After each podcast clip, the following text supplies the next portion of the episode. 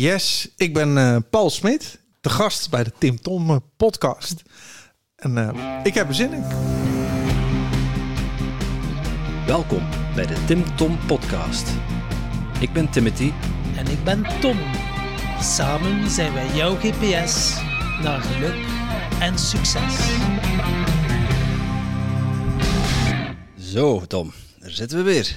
Ja, Volgende gast. En we zijn ze hier eh, letterlijk aan het inblikken hè, van de keer. ja dat, eh, ze gaan erin als zoete broodjes. En eh, ja, vandaag een bijzondere gast. Alles is één. Ja, simpel. Het is en-en. Ja, wat dat ook moet betekenen. Het heeft iets met non-dualisme te maken. En ja, wat de fuck is non-dualisme? Ik zou hier Geen uren kunnen over praten. Dat is niet waar, hè. Eh, maar eh, ja, we hebben een, een expert, eh, denk ik toch. We zullen zien of dat op het einde nog altijd klopt, of dat de expert is of niet. Dus Ja, het enige wat ik ervan weet is de woorden waar dat Patrick Kikke mee eindigde in, in ons gesprek. Dus jij en ik bestaat niet. oké. Dus, eh, En het schijnt dat hij nog grappig is ook. Ja? Ja, heb ik mij laten vertellen. Cabaretier. En eh, ja, humor. ben benieuwd. Ik heb wel hoesting om een beetje te lachen. denk Ja, ik. wel. Ja. Goedemiddag. Goedemiddag. Dag Paul. Goedemiddag. Welkom bij de podcast. Dankjewel. Gezellig. Leuk dat we jou mogen hebben. Ja, nee, dat jij ons wil ontvangen. een podcast vind ik altijd leuk. Omdat het kan alle kanten op gaan. Het is zo net als Billy niet gescript, dus dan is het spontaan. En eh, ja, dat is leuk. Kijk, wij we zijn zelf te lui om vragen te bedenken. En, Heel goed. We vragen aan onze, aan onze andere gasten altijd, wil je een vraag bedenken voor de volgende gast? En eh, we, hadden, eh, we waren net in Noordwijk, Noordwijk aan Zee. En eh, ja, een hele energieke man, Tabe Eido. En die had een hele mooie vraag eigenlijk. Nou, roept u maar. Weet jij waar je hart zit, Paul? Nou ja, je fysieke hart zit volgens mij hier zo'n beetje aan de, iets meer links dan rechts. Ehm, en natuurlijk in de spirituele bedoeling hebben mensen daar hele andere ideeën bij. Je hart volgen en je hart openen, et cetera. Dus die vraag kun je op verschillende manieren interpreteren. Nou, we hebben alle tijd, dus eh, Ja, nee, ik kreeg gisteren die vraag van een, een coach. Die zei, mensen zeggen altijd, eh, volg je hart. Maar wat bedoelen ze nu? En volgens mij is de interpretatie zoals ze die bedoelen vaak... dat we heel erg rationeel leven. Want eh, we luisteren vaak niet naar onze intuïtie. Want we denken, ja, maar de omgeving vindt dit en dat van mij... En vaak zit er nog angst bij. Want als ik echt mijn hart ga volgen, dan heb ik misschien niet genoeg inkomsten. Dus laat ik maar rationeel het bij het oude houden. En, en je ziet mensen die dat te veel doen, die hun intuïtie als het ware wegdrukken. Ja, die, die eindigen met veel stress, burn-out klachten. Ehm, dus soms is dat ratio wat eh, minder gebruiken wel eens nuttig. Want dat zie ik ook in het bedrijfsleven. Alles wordt overgerationaliseerd. Er zit altijd controlezucht, Excel-sheets, protocollen. Alles moet vastgelegd worden. Dat het nog een wonder is dat daarnaast nog tijd over is om te werken in deze tijd. En in je hoofd zitten, ben je ervaringsdeskundige?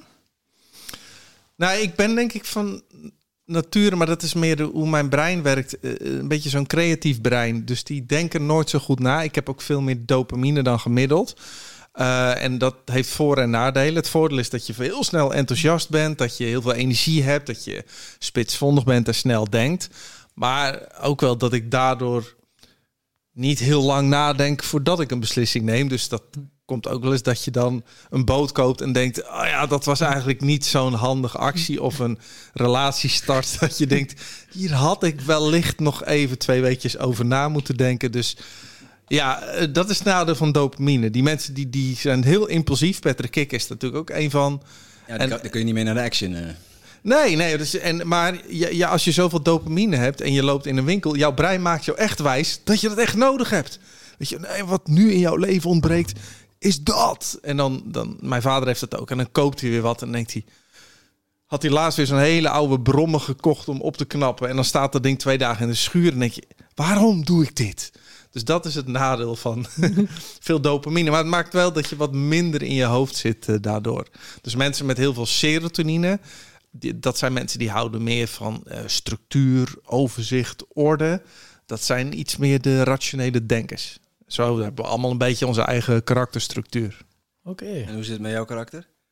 Nou ja, ik heb voornamelijk denk ik veel dopamine, klein beetje testosteron. Dat kan ook wel dat rouwdouwen zit er soms een beetje in. En ik heb minder serotonine en minder oestrogeen, zeg maar. Dat zijn allemaal neurotransmitters en hormonen waar je er veel of weinig van hebt. En ehm, nou ja, dit zijn de, deze uiteenzetting is die veel gebruikt wordt. Hè. Dus heb je veel testosteron. Dat zijn vaak mannen, die hebben 10 tot 20 keer zoveel. En dat maakt natuurlijk dat alfa gedrag. Je wil eh, een beetje status. Hè. Je wil natuurlijk de, de aap op de rot zijn. Alleen, dat is het voordeel hè, dat je heel charismatisch bent met testosteron. Alleen het remt weer je inlevingsvermogen. En het remt de ontwikkeling van het brein in de jeugd. Dus op universiteiten zitten gemiddeld genomen veel minder testosteronmannen. Nou, dan heb je oestrogeen, dat hebben vrouwen weer meer. En dat maakt je dan inlevend, eh, empathisch, eh, gevoelig. En in de oertijd wist dan de oestrogeenvrouw de testosteronman voor zich te winnen. En dat was hun manier om te overleven. En dan heb je dus nog de dopamine-types, dat zijn de creatievelingen. En dan heb je de serotonine-types, dat zijn de wat saaiere, boekhoudkundige types die gewoon het heerlijk vinden om 20 jaar bij één bedrijf te werken, iedere dag hetzelfde te doen, ieder jaar dezelfde camping op vakantie. En dat heeft ook weer een evolutionair nut, want de dopamine mensen zoals ik, ik ben niet de meest sterke en ook niet de meest charismatische, maar ik ben wel de creatiefste en sneldenkendste. En in de oertijd was dat mijn manier om te overleven. En de serotonine is ook niet de meest charismatische, maar eh, die konden overleven doordat ze in hun stabiele omgeving eh, heel geroutineerd konden eh, zijn. Dus je ziet dus de karaktertyperingen komen gewoon voort uit de oertijd nog. En En het dat hebben we nog steeds nu. Het heeft allemaal zijn voor- en zijn nadelen uiteindelijk. Allemaal, absoluut. Hoe, Ja. hoe kom je erachter wat voor type je, je bent, Paul? Want ja, ik hoor je dat zeggen, maar ja, ik heb geen idee. Nou ja, ze kunnen dat zelfs in je bloed meten, maar eh, er zijn allemaal testen voor. Je hebt de DISC en de Insight testen. Die zijn, zijn, dan met de vier kleuren. Gele, die hebben dat hiervan afgeleid, vanaf deze hormonen en tra- neurotransmitters. En dat zijn op zich wel geinige testjes. Het is natuurlijk maar een indicatie, want zelfs hoe lang je hebt geslapen, eh, wat je hebt gegeten, dat beïnvloedt ook nog eens jouw huishouding als het ware. En ook als je ouder wordt, verander je, omdat je testosteron gaat afnemen, je dopamine neemt af en serotonine neemt toe. Dus als je ouder wordt, word je wat milder, wat rustiger, wat eh, gematigder vaak. En dat heeft gewoon te maken met hoe die stofwisseling werkt. Oké. Eh, Paul, ja, ik heb een keer even jouw biografie bekeken. Je bent eh, spreker, schrijver, cabaretier, eh, Podcaster. podcaster, eh, trainer. Eh, ja, een dag heeft maar Mens. 24 uur. Ja, nou ja, nu is dit ook wel een fase in mijn leven, komt ook een beetje door corona, maar dat ik het eh, veel meer gebalanceerd doe. Dus ik heb denk ik de eerste 20 jaar dat ik standaard 60, 70 uur werkte per week. Gewoon vanuit die drive die ik had. En ehm, ja, dat is, dat is ook als je ouder wordt. Ik ben nu 45 en nu komt dat wel meer in balans. Dus ik neem nu de tijd om een uur te gaan wandelen en om eens uitstapjes te doen, vrienden te bezoeken. En dat doe ik veel meer ten opzichte van eh, vijf jaar geleden, zeg maar. En wat was het keerpunt erin? Eh, kwam je tot besef, oei, ik moet hier meer aan zelfzorg doen? Of ik zit hier tegen een burn-out? Of, eh, Ja, dat. Dus op een gegeven moment is het leuk dat je succes krijgt. En, en dan het geld stroomt binnen. En op een gegeven moment deed ik 34 shows per maand. Dus toen had ik een chauffeur, een personal assistant en iemand die mijn boekhouding deed. En ja, dan sliep ik in de auto en dan werd ik ergens gebracht. En dan, eh, ja, ik stond af en toe gewoon voor groepen dat ik echt dacht, ik heb echt geen idee wie jullie zijn, zeg maar. En toen kwam het punt dat ik begon op te raken. En toen dacht ik, ja, voor het geld, dat had ik inmiddels genoeg. Dat ik dacht, hier hoeft het niet meer voor. En dat was eigenlijk het punt dat corona uitbrak. En toen dacht ik, oh, dit is eigenlijk wel een fijn geschenk. Want nu worden allemaal optredens geannuleerd. En eh, daar heb ik echt van genoten. En die kwam eigenlijk wel op het goede moment.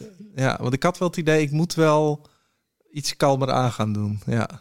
En dat lukt u nu vrij goed als je zo een hectisch leven hebt gehad om zo die knop om te draaien? Nou, sterker nog, ik vraag me nu wel eens af hoe deed ik dat vroeger? Omdat je, dat zie ik ook bij mensen die met pensioen gaan, dat je tempo gaat omlaag, daar wen je aan. Maar mijn tempo ligt zoveel lager dan eh, twee jaar terug. Eh, Maar ik vind dat ook fijn. Ook dat als jullie vandaag komen, dit is mijn enige afspraak. Want dan heb ik echt de tijd en energie om dit te doen. Terwijl voorheen was het dan, was ik hiermee bezig. En dan wist ik, oh ja, zit, ik moet straks die nog bellen. En, en dat loopt nog. En uh, tot hoe lang blijven zij? Want ik moet ook nog dit. En dat gehaaste is weg. En dat kan ik iedereen aanraden. En uh, hoe begin je eraan om die switch te maken? Wat zijn zo concrete tips dat je de luisteraars kunt meegeven? Want om zo direct te veranderen van rol, uh, dat is dan toch ook stelselmatig gegaan ons. Ja, kijk, wat je ziet is dat je... Uh, ons brein went aan alles. En dus je, je komt in een proces en dan heel ongemerkt ga je steeds verder naar die grens. Dat is ook in een relatie al. Hè? Je begint een relatie en dan is een beetje ongezonde relatie of manipulatief, maar daar groei je in mee en je wordt zelf blind. Jouw omgeving zegt van, doe even normaal man, word eens wakker. Ja, liefde maakt blind. Ja. Liefde, ja. Maar dat is ook als jij, ik, ik sprak gisteren nog een man die had op jonge leeftijd heel veel succes in een bedrijf en die werkt er ook 80 uur per week en dan, ja, als jonge jongen vind je jezelf ook nog belangrijk en iedereen om je heen doet het. Dus jij gaat, jouw brein gaat denken, dit is normaal. En wat je vaak ziet, is net als ook in relaties, net als in je werk, als je in een crisis komt en helemaal vastloopt, dat zijn momenten waarop jouw brein bereid is die switch te maken. Alleen, wat jij zegt is helemaal waar. Als je helemaal in die routine zit, is het heel lastig om, om los te breken. Dus vaak is een crisis je grootste geschenk in dat opzicht. Ja, ja, ik spreek uit ervaring. Ja, dat klopt inderdaad. Je hebt echt soms echt een, een patat nodig, ja, een burn-out of verslaving, of uh, ja. dat je denkt van, wow, ja, dat wil ik hier ook niet meer. En uh, ja, het ja. universum helpt u dan even. Ja. ja, ik had dan ook bijvoorbeeld met een toxische relatie, hè, dat je dan helemaal, helemaal verstrikt raakt en dan op een gegeven moment dan knalt het, dan heb je mega ruzie en dan maak je het uit. En de week daarna denk je, hoe heb ik het ooit zo ver kunnen laten komen? En dat is. Hoe dus... hebben ze het ooit zo lang volgehouden? Kan ook. ook. Ja, ja dat, dat je eigenlijk denkt: oh ja, dit was eigenlijk een jaar geleden al op.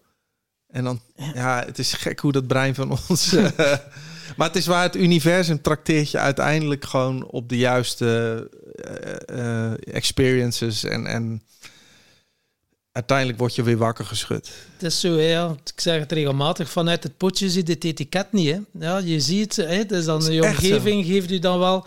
Maar je wil het niet zien of uh, selectief doof en zo. Ja, ja het zal wel... Uh... Ja, en jouw brein gaat alles, dat heet cognitieve dissonantie, die probeert alles voor jou recht te praten.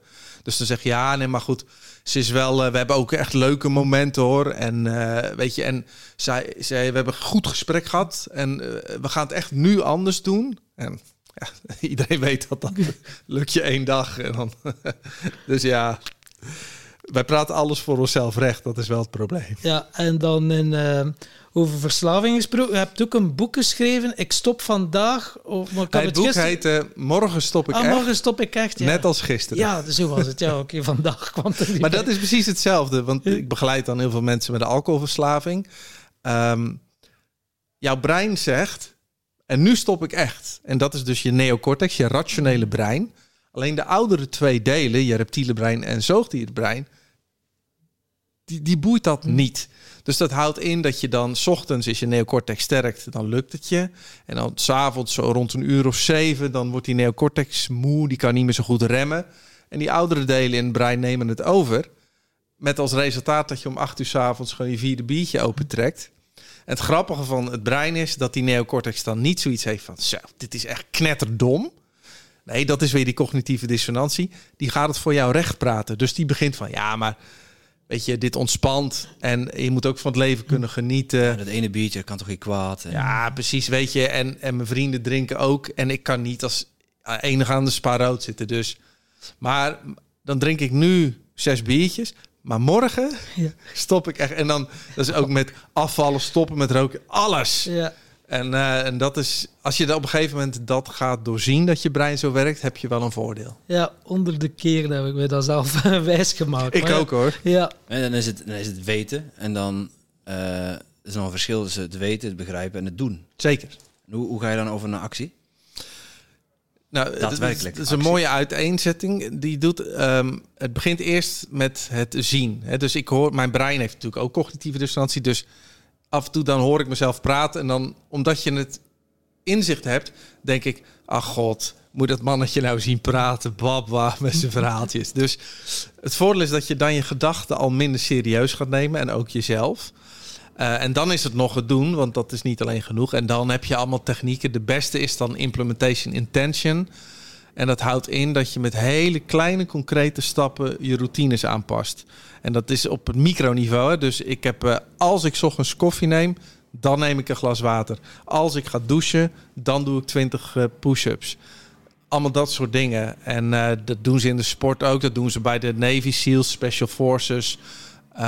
Om met micro-stapjes routines te trainen in je brein. En dat doet bijna niemand. En je bedoelt dan dat je, dat je een nieuwe gewoonte koppelt aan iets, aan een gewoonte die je nu al hebt. Juist. Dus je, je, je hebt noemt koffie, uh, koffie drinken s ochtends. Je drinkt iedere ochtend een kopje koffie Ja. om de dag mee te starten. Uh, maar je hebt ook het voornemen om meer water te drinken. Dat je dan uh, het meer water drinken koppelt aan het kopje koffie. Juist. Dus je pakt, je hebt al heel veel routines op de dag. We doen denk ik 99% op basis van routine. Ook weer om energie te besparen. En aan zo'n routine koppel je een extra kleine actie.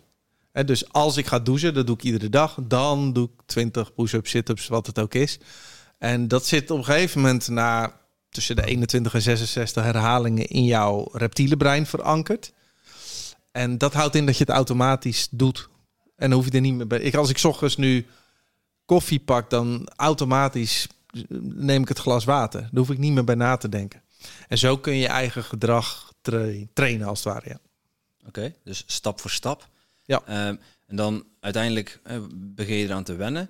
Uh, en is het dan een slim idee om gelijk ook heel je leven om te gooien en alles te willen veranderen? Nee, want dat lukt je niet. Want jouw neocortex is heel zwak ten opzichte van die oudere twee delen. Dus je moet het stapsgewijs met kleine concrete stappen doen. Dus ga niet in één keer twintig van die als dannetjes van als ik dit, dan ga ik dat doen. Ik, ik ken, ken, de stem in mijn hoofd met die, die roeptoeter die er elke keer in zit. Oh ja, en dan oh, heb ik een boek gelezen en dan oh, dat ga ik doen, dat ga ik doen. En morgen begin ik eraan en dan begin ik er effectief aan en dan is het zodanig veel. Bijvoorbeeld Miracle Morning is een heel mooi voorbeeld. Hadden we het in de vorige podcast ook over. Ja, dat zijn dan zes dingen die je gaat implementeren s ochtends. Is dan uh, mediteren, affirmeren, uh, visualiseren, uh, oefeningen doen en schrijven en lezen en alles tegelijk wil ik dan. Ja, ja dan, hou je, dan hou je misschien een paar dagen vol. Klopt. Maar op een gegeven moment ben je gewoon beu. En wat, ja. wat voor tips heb je daarvoor? Begin met één. Want als je er al één vol houdt, en dat is al knap. en als, als bijvoorbeeld je begint met dat je s ochtends 10 minuten gaat mediteren. Nou, dan zeggen ze ook, doe nou niet gelijk een uur. Hè, begin ook, al ga je drie minuten even stilzitten. Gewoon laat je brein wennen aan die actie. En op het moment dat je dat geleidelijk aan implementeert, nou, dan op een gegeven moment doe je dat automatisch. Um, en dan ga je naar de volgende pas. Maar wij mensen zijn, gisteren was ik bij vrienden en die zei ook, ja, en ik ga afvallen en ik heb nu, ik ga zes keer per week sporten en uh, alleen water en, en echt zo rigoureus dat ik al denk, gast, volgende week zit je hier gewoon weer aan de bitterballen en aan, aan het bier. Dus uh, ja, mensen overschatten hun wilskracht pertinent. Ja, ja. tegenover mij zit, zit zo'n experiment. Die, uh, ja, ja, gestopt met suiker en om half vijf opstaan en uh, dan gaat hij weer. Maar uh, ik moet zeggen, dit keer houdt hij het wel lang vol. Uh. Ja, maar ik merk ook wel een verslaving. Uh, als je de verslaving aanpakt, ja, lukt het voor een tijd, maar het is de oorzaak achter de verslaving Juist. die je gaat moeten aanpakken. Die, die behoefte die wilt vervuld worden. En ik was wel succesvol gestopt met alcohol. Maar dan laatst was ik... Uh, ik had een ayahuasca-ceremonie gedaan. Een destructieve relatie, getransformeerd met licht en liefde. Mooi, ayahuasca dacht... Hm, interessant, het verslavingsstuk, uw drugsperiode, zullen we nog een keer naar boven halen. Wop, dat kwam volledig naar boven. En de drang was, ik keek porno, ongezond eten. En ik dacht, what the fuck? En ik kon er niet tegenop. Ik mocht nog zo cognitief zijn. Ja, klopt. En dan was uh, iboga, dat is een Afrikaanse wortel. En als ayahuasca de moeder is, is iboga de grootvader. En die oh, gaat ja. direct... Hier is uw probleemmaat. En hier ga je naar kijken. Vier dagen heb ik niet geslapen. Eerst alles moeten doorleven en doorvoelen. Ja. Van alles wat ik verdoofd had. Elke emotie die ik verdoofd had. Maar nu is het wel uit mijn systeem.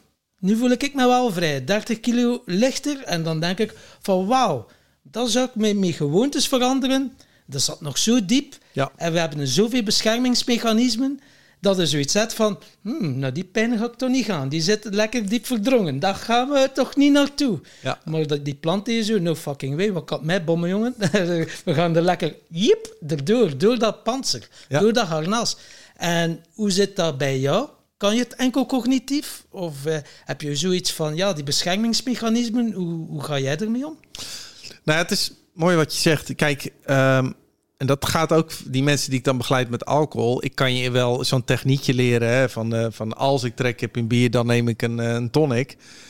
Ehm, maar op het moment dat jij inderdaad heel veel psychische pijn hebt en nog onverwerkte emoties die er zitten, of trauma zelfs, dan is jouw lichaam zo eh, gericht op eh, het wegdrukken van die pijn. En hoe doen we dat? Met copingmechanismen. Ehm, wat inhoudt is dat op het moment dat je een glas bier neemt, je gaat porno kijken of nou, de hele trucendoos of drugs of wat dan ook, dan ga je eventjes ga je die pijn uit de weg. En dat is dus het, het, het verdedigingsmechanisme. Vluchtgedrag. Het vluchtgedrag. Dus op het moment dat jij dat niet hebt opgeruimd, ja, dan kun je alle technieken gaan proberen. Maar dat hou je twee, drie dagen vol. En dan gaat die, die, die coping is veel sterker. En dan kun je beter inderdaad in een therapievorm of met eh, ayahuasca. En, en dat schijnt heel veel goede resultaten te boeken. Naar die pijn toe. En dat je eerst die rommel in jezelf opruimt. En daar ben ik natuurlijk zelf, ook toen ik met non tijd begon, al zo'n twintig jaar mee bezig. Om die oude pijntjes eruit te krijgen. En dat die identificatie eraf gaat. En dan geleidelijk aan wordt het leven lichter. Waardoor geleidelijk aan ook die drang om naar allerlei coping te grijpen eh, komt tot rust. En dan wordt het veel makkelijker. Maar je zal het eerst moeten opruimen. Ja, ja, ja, je komt er niet. Je ontkomt er gewoon Nee, niet je aan. komt niet En, aan. eh, het komt wel in allerlei vormen en gedaanten komt het naar je toe om het te kunnen oplossen. Dan komt een persoon dat je triggert of een situatie. En ja, dan is dan jou de keuze van, ga ik het toelaten? Ga ik die emotie bestaansrecht geven? Ga ik ze omarmen? Ja, dan zit je al in dat stukje zelfbewustzijn Ja. natuurlijk. Maar ja, om die klik te maken, heb je, dat, doe je, dat doe je niet van de ene dag op de andere dag. Nee, dat begint vaak ook weer met een crisis. Ja. Als je echt helemaal vastloopt, dan, dan ja, dat is het moment waarop je schakelt. Dus vanuit de oertijd gezien, wanneer verandert een mens? Dat is maar op twee momenten. Of vanuit passie of urgentie. Want wij leefden in groepen van 150 op de savanne. Alles wat we konden doen vanuit routine bespaarde energie. Dus vergrootte dat onze overlevingskansen. Dus wanneer kwam jij in actie? Dat was of als er eh, urgentie was, schaarste, een dreiging van een andere stam of dieren of, of een virus of wat dan ook. Dan kom je in actie. En, en passie, dat zit ingebakken, dat is seksuele selectie. Je wilt toch als organisme een beetje jezelf uitsloven, zodat je eh, meer partnerkeuze hebt. Dat doen dieren ook. Hè? Voortplanten. Ja. Voortplanten, ja, dat is. Dus dat ik gitaar speel, ik zeg dan dat vind ik leuk. Nee, dat is gewoon seksuele selectie. Dat ik vanuit passie mijzelf uitsloof, zodat vrouwtjes dan denken, nou, die moeten wel goed genetisch materiaal hebben. En dan heb ik meer keus. Dus en dat is waar passie vandaan komt. Dus het is uiteindelijk eh, ja, is het jezelf uitsloven. Daarom nemen we ook deze podcast op. Hè? Zodat wij kunnen laten Puur je zien. eigen belang, hè? Ja, ja. Nou, uiteindelijk is dit Ja. van kijk eens, wij, eh, dit is mijn intelligentie. En daarom zeg ik ook ja tegen jullie. Want dan gaan andere mensen denken, zo, nou, maar die Paul, oh, die zei drie nuttige dingen. Oh, nou, dat moet wel goed genetisch materiaal zijn. ja, goed. Kijk, ons brein heeft natuurlijk in de loop van de evolutie het zo gemaakt dat wij gewoon zeggen, wij vinden het leuk om te doen. Omdat wat jij leuk vindt om te doen, eh, heeft gewoon een evolutionair nut. Dus je hoeft ook niet heel de dag daar te roepen van ik speel gitaar omdat ik mijn status wil verhogen. Ja. Het is dus wel grappig dat je dat aanhaalt. Dat, eh, wat mij of ons opvalt in, eh, met podcast is dat iedereen heel graag over zichzelf praat. Zeker. En eh, ja, hoe liever mensen over zichzelf praten, hoe liever wij het hebben, want hoe minder vragen we moeten stellen. Dat is waar. Ik vind het wel leuk hoe dat dan eh, eh, ook ja, bij mensen in hun hoofd, hoe dat dan aangaat en waarop ze aangaan, op welke onderwerpen. Eh, ik hoorde jou net zeggen over de coping en, en verschillende dingen die je moest opruimen. Ik ben wel benieuwd ja, waar, waar dat dan bij jou ontstaan is. Eh, enerzijds dat bewustzijn daarover. Eh, je zegt van, Ja. ik dat, ben dan gaan verdiepen in non- non-dualiteit. Ehm, maar was daar een specifieke aanleiding voor? Kun je, kun je ons het daar eens in meenemen? Nou, voor mij was eh, in ieder geval non-dualiteit de weg naar bevrijding. Eh, en er zijn vele wegen, hè? dit is er maar één. Ehm, ik had bijvoorbeeld eh, mijn moeder was opgegroeid op kostschool. En die is in zo'n angst opgegroeid dat ze dat op mij projecteerde. Van altijd productief bezig zijn. Dus op het moment dat ik stil zat, dan was dat stemmetje, ook al leefde mijn moeder niet meer, van ja, nu zit je op de bank. Dit levert geen geld op. Hè? Dus, dus ik was altijd maar bezig met bezig zijn. En dat zit dan, ik bedoel, je bent bijna je hele leven bezig om die klote ouders op te ruimen, weet je wel. En, en ik had bijvoorbeeld ook een eh, relatie die gewoon echt ja, dat bleek gewoon een narcistische dame met borderline. Ja, ik had het helemaal niet door. En ja, dat heeft ook gewoon pijn gedaan. En die ging dan weer vreemd. En dan ging je toch weer proberen. En man, man, man. Wat een gezeik. ja. Alleen, non-dualiteit zorgde er voor mij voor dat ik inzag van... oké, alles is energie in beweging. Mijn moeder kon niks anders doen dan dat ze deed. Dat was haar programmering. Maar ook mijn toenmalige vriendin de, ja, daar zat ook, zij deed dat ook vanuit een trauma weer. Dus uiteindelijk ga je de onschuld van alles inzien. En zie je, ja, die konden ook niet anders. En dit is gewoon helemaal deel van het verhaaltje wat ik in dit leven speel. En dat maakte dat de verwijten die ik naar allemaal mensen had, die kwamen tot rust. Maar ook de afwijzing van mezelf kwam tot rust. Er gaan jaren overheen, hè. Dat is, is geen simpel proces. En wat jij net mooi zei, het universum trakteert je op situaties. Dan inderdaad, dan kom je in een nieuwe relatie en dan kom je toch weer in een vergelijkbaar iets waar even die oude pijn weer wordt getriggerd. Alleen het verschil is dat dan vroeger ik, oeh, pijn, bier, ja, is nu pijn, aha. Dus op een gegeven moment begon ik die pijnlijke momenten te zien als cadeautjes voor meer inzicht. En dat was de switch, dat ik dacht, oké, nu schiet ik erin. En je voelt gelijk wanneer je inzoomt en verkrampt. En dacht ik, oh, dit vraagt dus om een nieuw bewustzijn. En, en dat waren momenten waarop ik gewoon even ging zitten. Dacht ik, oké, dit wordt geraakt, dit is wat het doet. En dan ga je uitzoomen. En dan geleidelijk aan, dan wordt dat milder. En, en iedere keer dat je denkt, nu ben ik er, komt er weer wat nieuws. Dus op een gegeven moment ga je dat ook nooit meer zeggen. denk je, genade, weet je wel, we zien het wel. Alleen wat je op den duur merkt, is dat je wat minder vaak verkrampt. En, en als je al verkrampt, duurt het gewoon minder lang. Het blijft niet meer kleven, weet je. Ik kon vroeger kon ik een week lang in zo'n drama hangen. Bier, bier, bier. En noemen ze carnaval. Ja, ja, ja, ja. Carnaval is het massaal wegdrukken van gezamenlijk trauma. En dat is hartstikke leuk voor drie dagen. Alleen je lost daar niks mee op op dat moment.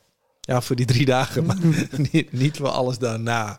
En het uh, non-dualisme. Bij veel mensen gaan nu alle toeters en bellen aan. Oh, alles is één. Of ja, goed en slecht bestaat niet. En het is en en in plaats van of of. Hè. Dat zijn zo wat zinnetjes die wel te maken hebben met non-dualisme. Hoe kun je het uitleggen in mensentaal?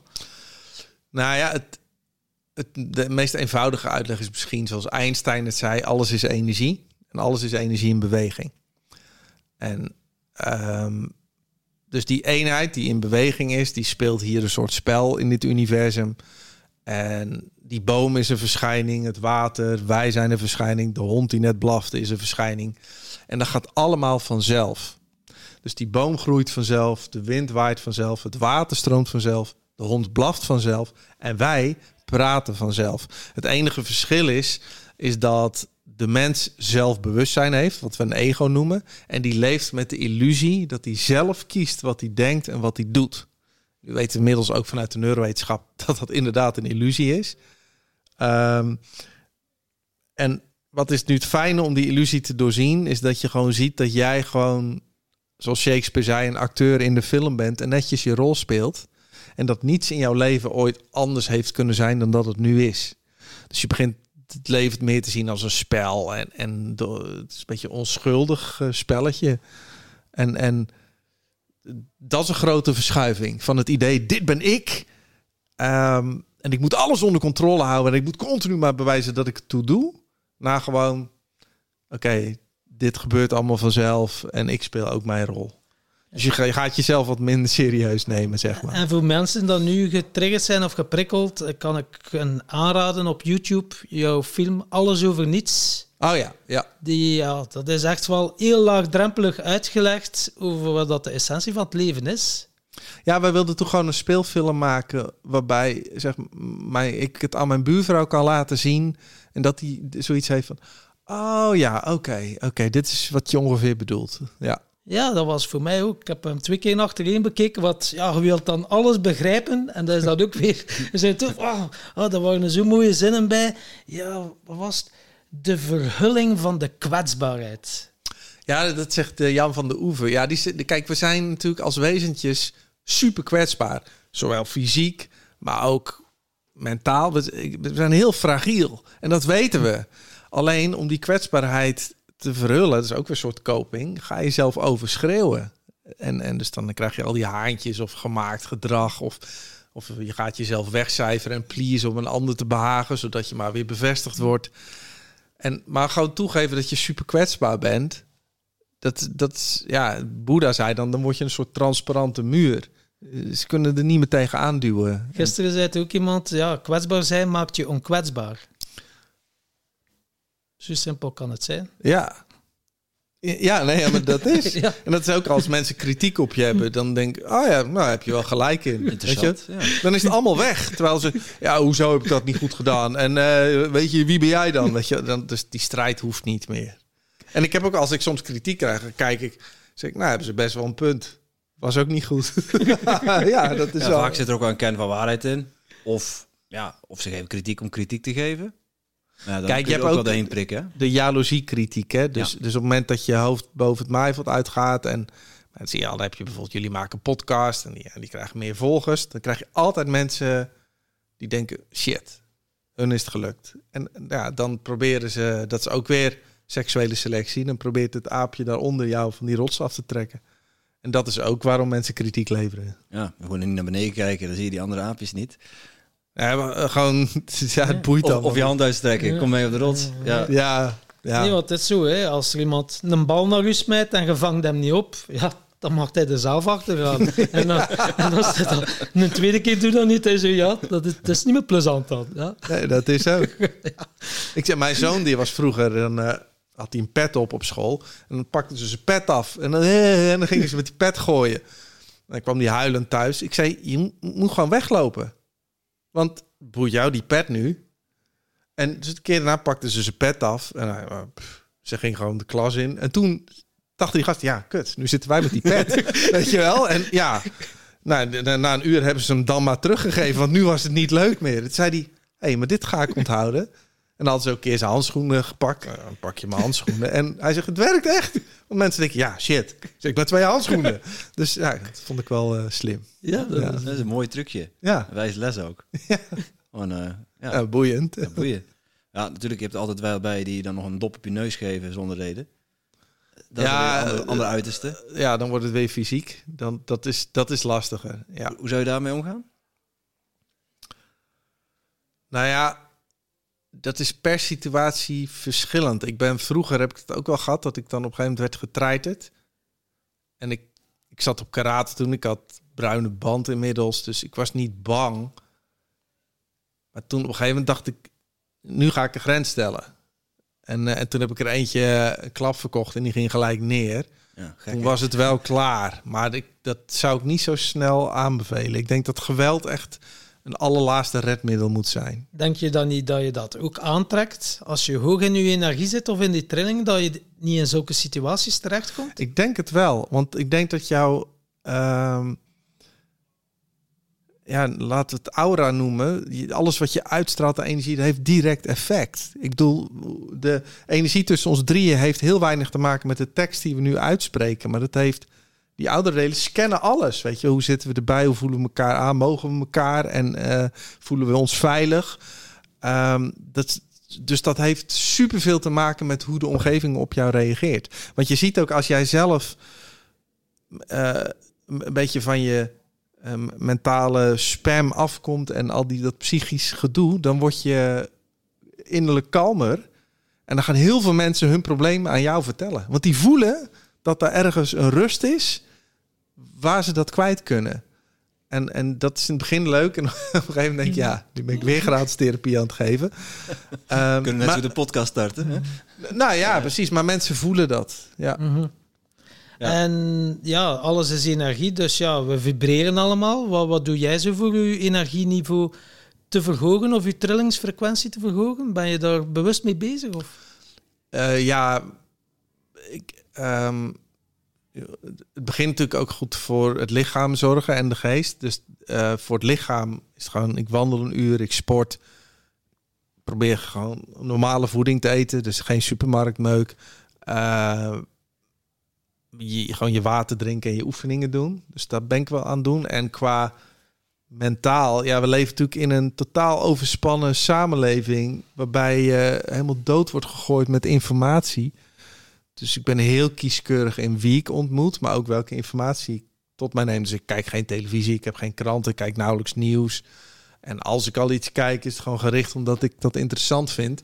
En geen tijdlijnen op social media dat ik zie wat mijn buurvrouw gisteren heeft gegeten. Dus, dus ik ben best wel zuinig op mijn energie. Ja, uiteindelijk is het zoals ja, wat dat je in een blender smijt, en hetgeen dat eruit komt, dat is ook mee eh, het mentale, welke informatie dat je tot jou neemt. Hè. Als je in een blender, in een blender uh, fruit en groenten smijt en water, ja, ga je gezond blijven. Maar ja, als je daar sigaretten en chocola en uh, al de andere bullshit erin smijt. en dat is mijn informatie ook. En mensen hebben dat niet door. Die denken, oh, het nieuws, oh ja, interessant, moet ja. weten wat er in de wereld gebeurt. Maar ja, dan creëer je een beeld van de wereld dat niet de wereld is, uiteindelijk. Want Totaal niet. Dat is jouw wereld. En hoe leg jij dat uit aan de mensen van... Ja, iedereen ziet de wereld op een andere manier. En dan zeggen ze, nee, de wereld is toch de wereld?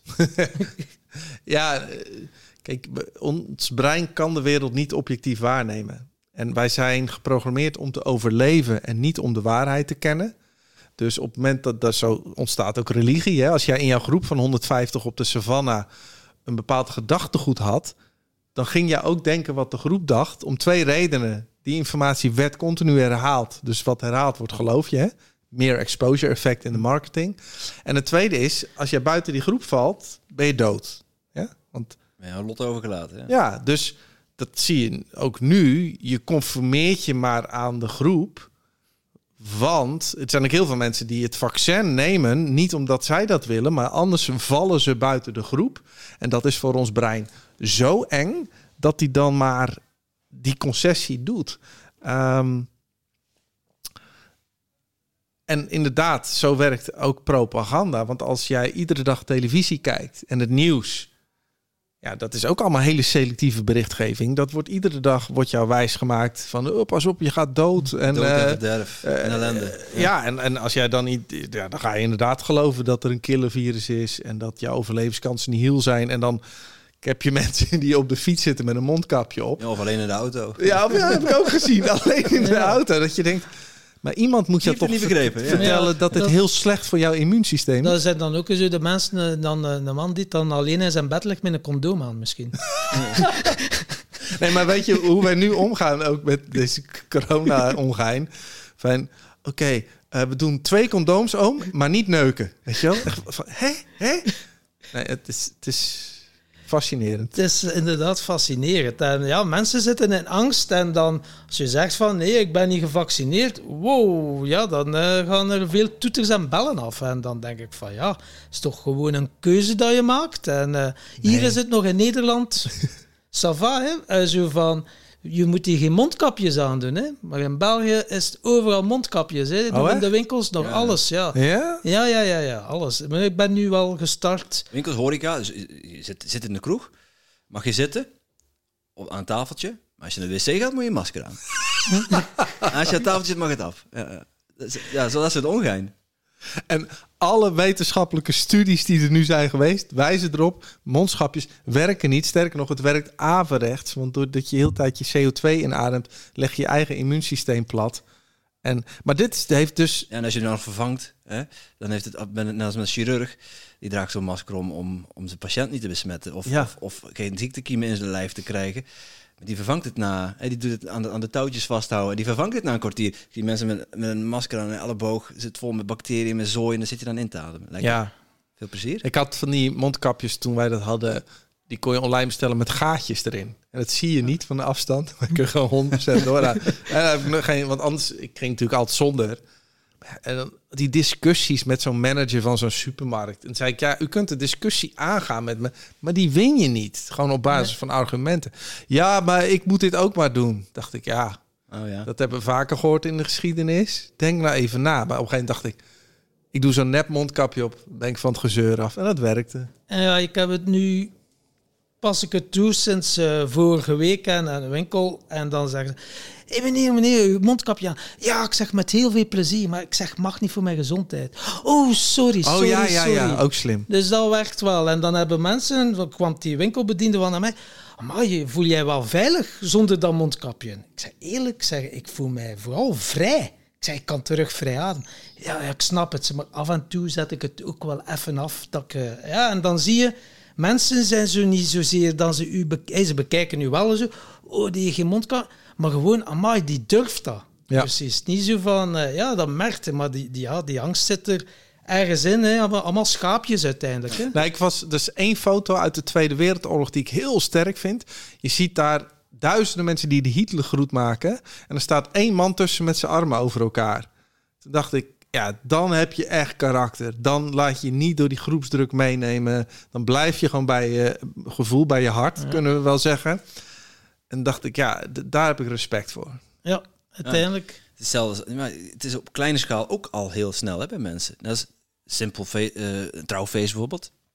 Muziek, feest, iedereen heeft zin om te dansen. Er staat niemand op die dansvloer. Niemand danst. Ja. Stapt één iemand die is moedig genoeg om, om in de dansvloer te stappen. En er zijn er nog twee, drie, vier die volgen. En dan, oh, dat ziet er wel leuk uit. Oh, dat ga ik ook doen. En met die maskers, eh, misschien wel hetzelfde.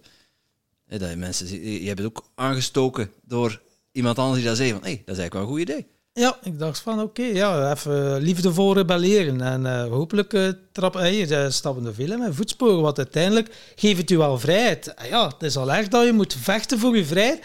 Dat je gewoon vrij mocht ademen. Hè? Dat is toch al ongelooflijk hoe ver, dat ze het krijgen, hoe, dat, hoe ver dan ze het al gekregen hebben. En toch op vrij korte tijd. Hè? Als je dat ziet op een jaar, hoe dan ze dan toch...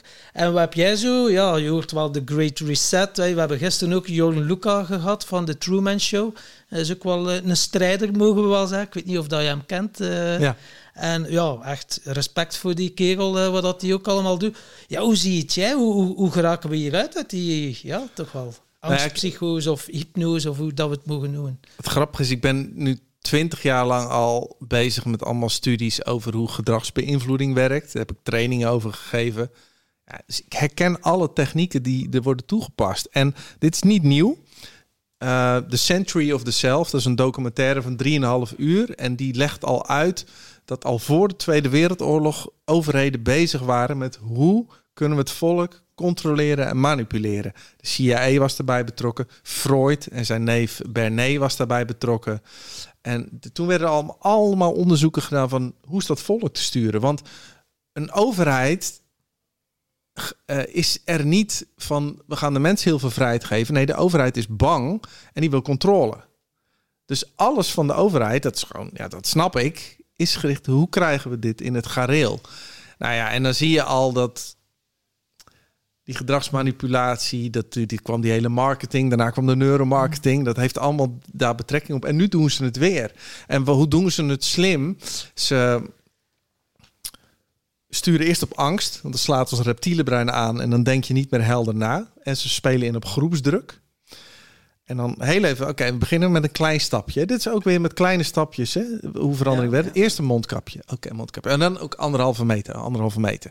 Nou, en dan ook, dan mag je daar niet meer in. Je mag niet meer met 30 mensen. Nou, en dan zijn we eraan gewend en dan laten ze het even los. En dan denkt iedereen vorig jaar zijn we- zomer, oh, oké, oké. Dan geef je de mensen even rust. En dan kom je, maar dan wordt het nog sterker. Want mensen zijn al gewend aan de eerste. En dan voer je het nog verder door. Hè? Dus wij kregen ook nog avondklok. En dan mag je ook niet meer naar buiten. Eh, je mag ook niet met meer dan twee mensen buiten zijn. En, en, dan, en daarna laat je het nu weer. En laat het heel even los nu. Volksgezondheid. Hè? Ja, volksgezondheid. En dan straks, dan komt het, en dan wordt het nog, nog extremer. En, en dan nu, nu wordt het natuurlijk ook nog verder, hè, want eh, nu moet je een coronapas hebben om nog deel te kunnen nemen aan het leven. Nou, en dan eh, zijn we daaraan gewend en dan laten ze het weer los straks. En nu heeft het Pentagon al gezegd, wij hebben een chip.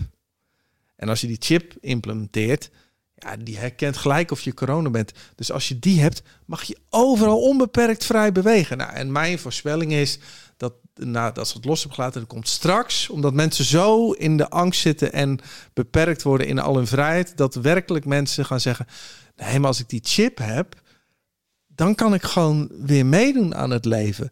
Nou, maar ik voorspel ook dat de mensheid is al de hele geschiedenis lang niet heel dom.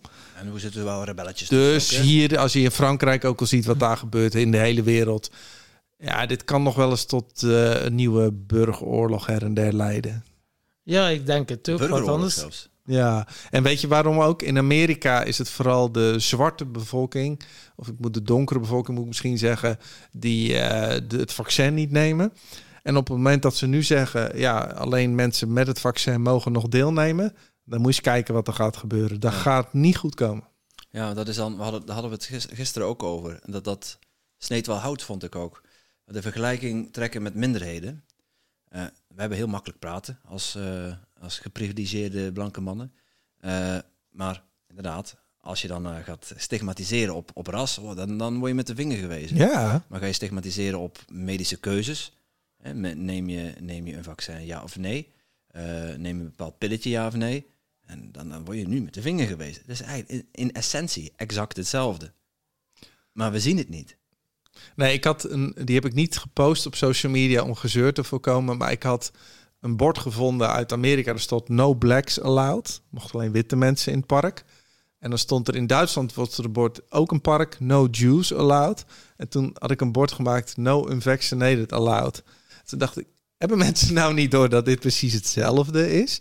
Alleen dan worden mensen weer gek gemaakt. Nee, maar dit vaccin is de, voor de volksgezondheid. Voor een En doe niet zo belachelijk, jongen. Echt. Doe gewoon lekker mee. En doe niet zo tegen draad. Zet dat prikje nou even. Ja, Dat leuke nou spike protein dat ongetest is. Doe nou even. Ja. ja, lekker voor je. zo, ook alweer een uitdaging voor je immuunsysteem. ja, ik ben heel. Ik vertrouw op mijn immuunsysteem. Ik leef zo gezond als mogelijk. En mocht het nou zo zijn dat ik door dit virus doodga, dan was ik gewoon evolutionair afval. Dan was ik gewoon niet sterk genoeg deze ronde. Je zoon staat voor de deur. Dus of, eh? kom maar binnen hoor, Damon. Die wil eten, denk ik. ja. Kijk, Hallo, Hey man, dag. goedemiddag. Je gaat even eten. Nou, veel plezier. ja, het is, ja, het is ja, fascinerend. Ja, het is. eh, het- ik vind het fascinerend om te zien hoe, hoe die gedragsmanipulatie. eh, ja, goed, ik heb hier zelf training in gegeven. En ik ben mee gestopt omdat ik kreeg van Big Pharma opdrachten. Van ja, we willen die medicijnen nog verder pushen. En ik dacht, ja, maar ik doe hier niet aan mee. En ik kreeg sigarettenhandelaren van hoe kunnen we mensen nog meer aan het roken krijgen. En dacht ik, ja, Dat zijn Hier- vragen die gesteld worden. Ja, Effectief, hè? Want mensen, we- men- mensen beseffen het niet, maar ja. Ja, nee, maar die en vragen ik, ik, ken ze. Ik heb gesteld. Hè? voor de overheid ook met hun gedragsexperts. Daar zat ik aan tafel mee. En da- daar heb ik ook nog opgetreden vroeger. En toen dacht ik ook, ja, jullie heb, weten ook wat ik weet. En jullie worden door de overheid gewoon ingehuurd om gewoon die dingen te doen. Ja, dat is gewoon zoals het is. En hoe, hoe kunnen we die gedragspsychologie dan gebruiken in positieve zin? Eh, nou, dat gebeurt al hè, door dit soort podcasts, door eh, de Truman Show, Weltschmerz, door ik met Guido Wijers heb ik een podcast hierover. Doordat heel veel mensen hierover praten, krijg je ook het meer exposure effect en de sociale druk. Eh, en dan, dan krijg je al, wat jij zei in de supermarkt, dat mensen het lekker vinden als jij hem niet draagt. Want die denken, oh gelukkig, iemand... Die, ik, sterker nog, ik heb hier bij het postkantoor, heeft die eigenaar droeg nooit een mondkapje. En ik vond dat kicken. Als ik daar binnenkwam om postzegels te kopen, deed ik hem ook af. En toen begonnen veel meer mensen in die winkels hem af te zetten. En hij werd een soort leider voor ons. Want nog steeds wordt hier in dit gekke dorp dan gezegd... ja, maar die gast, die zet hem tenminste niet op. En dus je krijgt op, op dezelfde manier ook weer een tegenreactie. En dan gebruik je ook die principes. Ja, ik ging eh, deze week naar de, naar de osteopaat. En eh, s ochtends vroeg de, de deur open. Ja, ik denk, wandel zonder ding naar boven. Ik, op, ja, gewoon, ik haat het ding.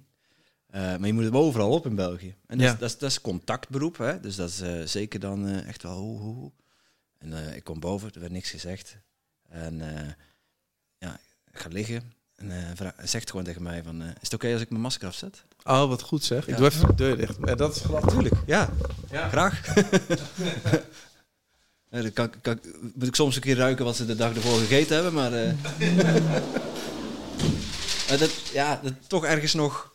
ehm, ja, ook wel mensen zijn die het, dan, eh, die het dan wel doen, maar ook gewoon voor de bühne of voor de scène, scene. Klopt, ik heb ook contact met een arts en die eh, belt af en toe.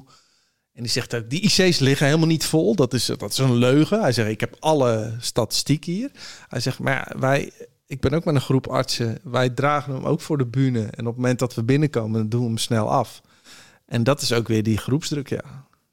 Ja, het gaat die burgerlijke ongehoorzaamheid. Hè. Daar gaan we naartoe moeten. Maar ja, natuurlijk bestraffen als ze er torenhoge boetes gaan beginnen opgeven. Ja, als je de mensen ultra portemonnee zit, Ja. dan zijn je wel kwetsbaar natuurlijk. Ja, nu zeg ik wel, ja, het is voor mijn gezondheid. eh, ja, is het, en als ze zeggen, ja, doe het maar op, ja, dan zeg ik, oké, als ik hier neerval, eh, jij bent verantwoordelijk, wil je tekenen? Eh, ja, zo, zit- zover zit ik ook al eh, als die naar volgende stap. Maar ja, dat heb ik nog niet moeten toepassen. Maar ik denk, om, holy fuck man, in, in Nederland was dat bij jullie aan mondkapjes niet meer verplicht. De volgende dag, niemand loopt die met een mondkapje nog op. Nee, de, nee, Nee? dan is het gewoon Dat is gewoon- weg ermee. Gewoon klaar. Ik denk in Vlaanderen mochten ze zeggen, mondkapje zelf, dat nog 50% meer mondkapje oploopt.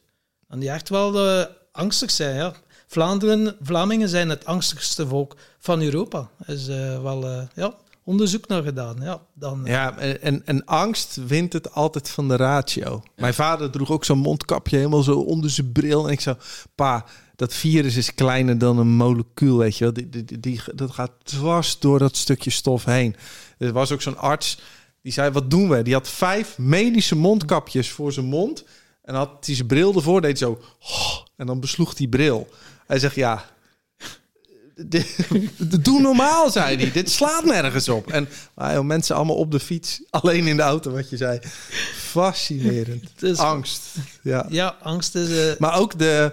Wij zijn heel de realiteit kwijt. Hè? De realiteit is dat mensen gewoon iedere dag doodgaan. En dat is hartstikke goed. Er zijn er genoeg. Het is niet dat we met 7 miljard een soort pandabeer worden die op uitsterven staat. Mensen gaan gewoon dood aan alles. Aan hartziekte, aan kanker, aan de griep, aan, aan Ja, en hoe erg het ook is, punt. het hoort bij het leven. Het hoort bij het leven. Maar tegenwoordig niemand mag... Dat is heel ongezond hoe we het nou doen. Niemand Ja. mag nog doodgaan. Ja. Nee, het is vanaf dat je wordt geboren, dan ben je terminaal. Zo simpel is het. Ja. Of dat je dat dan leuk vindt of niet, het is nu eenmaal zo. En daar heb je mee te dealen. Ja. Wat kan je doen? Ja, uw gezondheid en uw immuunsysteem. Ja, gezonde voeding tot u nemen. En dan zie je wel tot hoe ver dat je geraakt. En, en uw passie voor. Wat doe je graag? En iets in de wereld zetten uiteindelijk. Ja. Meer heb je niet te doen. Wat wil het leven van jou? Ja. Ja, easy. Easy, simple, fun. Ja. Nou ja, mee eens. Ik vind, Ja. ik vind het wel een mooie vraag. Wat wil het leven voor jou? Nou ja, we zijn allemaal uniek geprogrammeerd. En we spelen allemaal in dit verhaal onze eigen unieke rol. En ehm, daarbij is die rol het leukst als je inderdaad voelt wat bij jou past. Dat zei Platenwal. Als iedereen doet wat van nature bij hem past, hoeft niemand meer te werken. Dan, dan is er overvloed aan alles. Dus, dus die passie zoeken is denk ik één ding. En, en wat voor ons brein heel goed is, iets bijdragen aan de wereld. Hè? Mensen helpen of ja, het stukje zingeving, dat vinden mensen van nature belangrijk. Dat maakt ons ook gelukkig. Dus, eh, dus ja, dat vind ik dan wel. eh, als er al iets te doen is, zijn die dingen. Oké, en waar haal jij voldoening uit? Ik het meeste uit eh, door creatief bezig te zijn. Ehm, ja, en ik denk dat ik, wat ik leuk vind is stukjes, wat doen jullie ook met de podcast, stukjes bewustwording om daar zelf over te praten en dat andere mensen dat dan ook nog leuk vinden, omdat ik zelf ook weer luister naar andere podcast en ook die informatie van allemaal hele slimme mensen tot mij neem, waardoor ik zelf ook weer groei. Eh, dus, dus die wisselwerking, dat vind ik echt het leukst. Oké. En, wat, wat, als je zo'n voorbeeld mag geven wat, eh, van recent, zeg maar, wat, eh, wat heb je dan opgestoken en wat heb je daaraan in je leven? Voor mij is recent eh, heeft alles met corona te maken. Dus dat ik, ik ben natuurlijk filosoof, dus ik stel altijd vragen. Vindt niet iedereen leuk, maar eh, dus, dus op het moment dat ze bijvoorbeeld komen met zo'n vaccin. Ja, ik ben zo'n eikel die gaat 200 uur bestuderen wat dat vaccin is. En dan ben ik blij dat daar superveel experts zijn, superveel artsen die ook allemaal in podcast en video's en filmpjes dat met de wereld willen delen. Die vind je niet op YouTube trouwens, want dan wordt het weggehaald. Maar ze zijn er wel. En, en dan denk ik, ja, die mensen inspireren mij om ook op dat gebied weer een bredere blik te krijgen. Ja, podcasts worden nog niet gecensureerd hè? op dit moment. Nee, en, en maar Spotify, dat heeft natuurlijk ook weer met Joe Rogan te maken. Die is daar naartoe gegaan. Hij zei, ja, als, als YouTube mij gaat censureren, dan ben ik weg. Kreeg hij nog 100 miljoen van Spotify. Is wel een leuke onkostenvergoeding.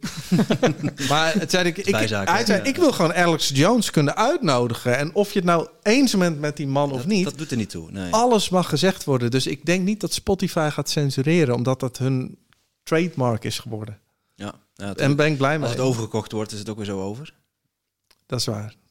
En, eh, Maar ik heb nu, gisteren was ik nog met een nulletje erachter, achter die 100 miljoen. Ja, gisteren was ik met Guido Wijers hier een podcast aan het opnemen. En dan eh, wilde ik wilde ivermectine zeggen of hydroxychloroquine. En dan heb ik dat zelf, heb ik daar nu een ontploffing overheen gezet in de edit.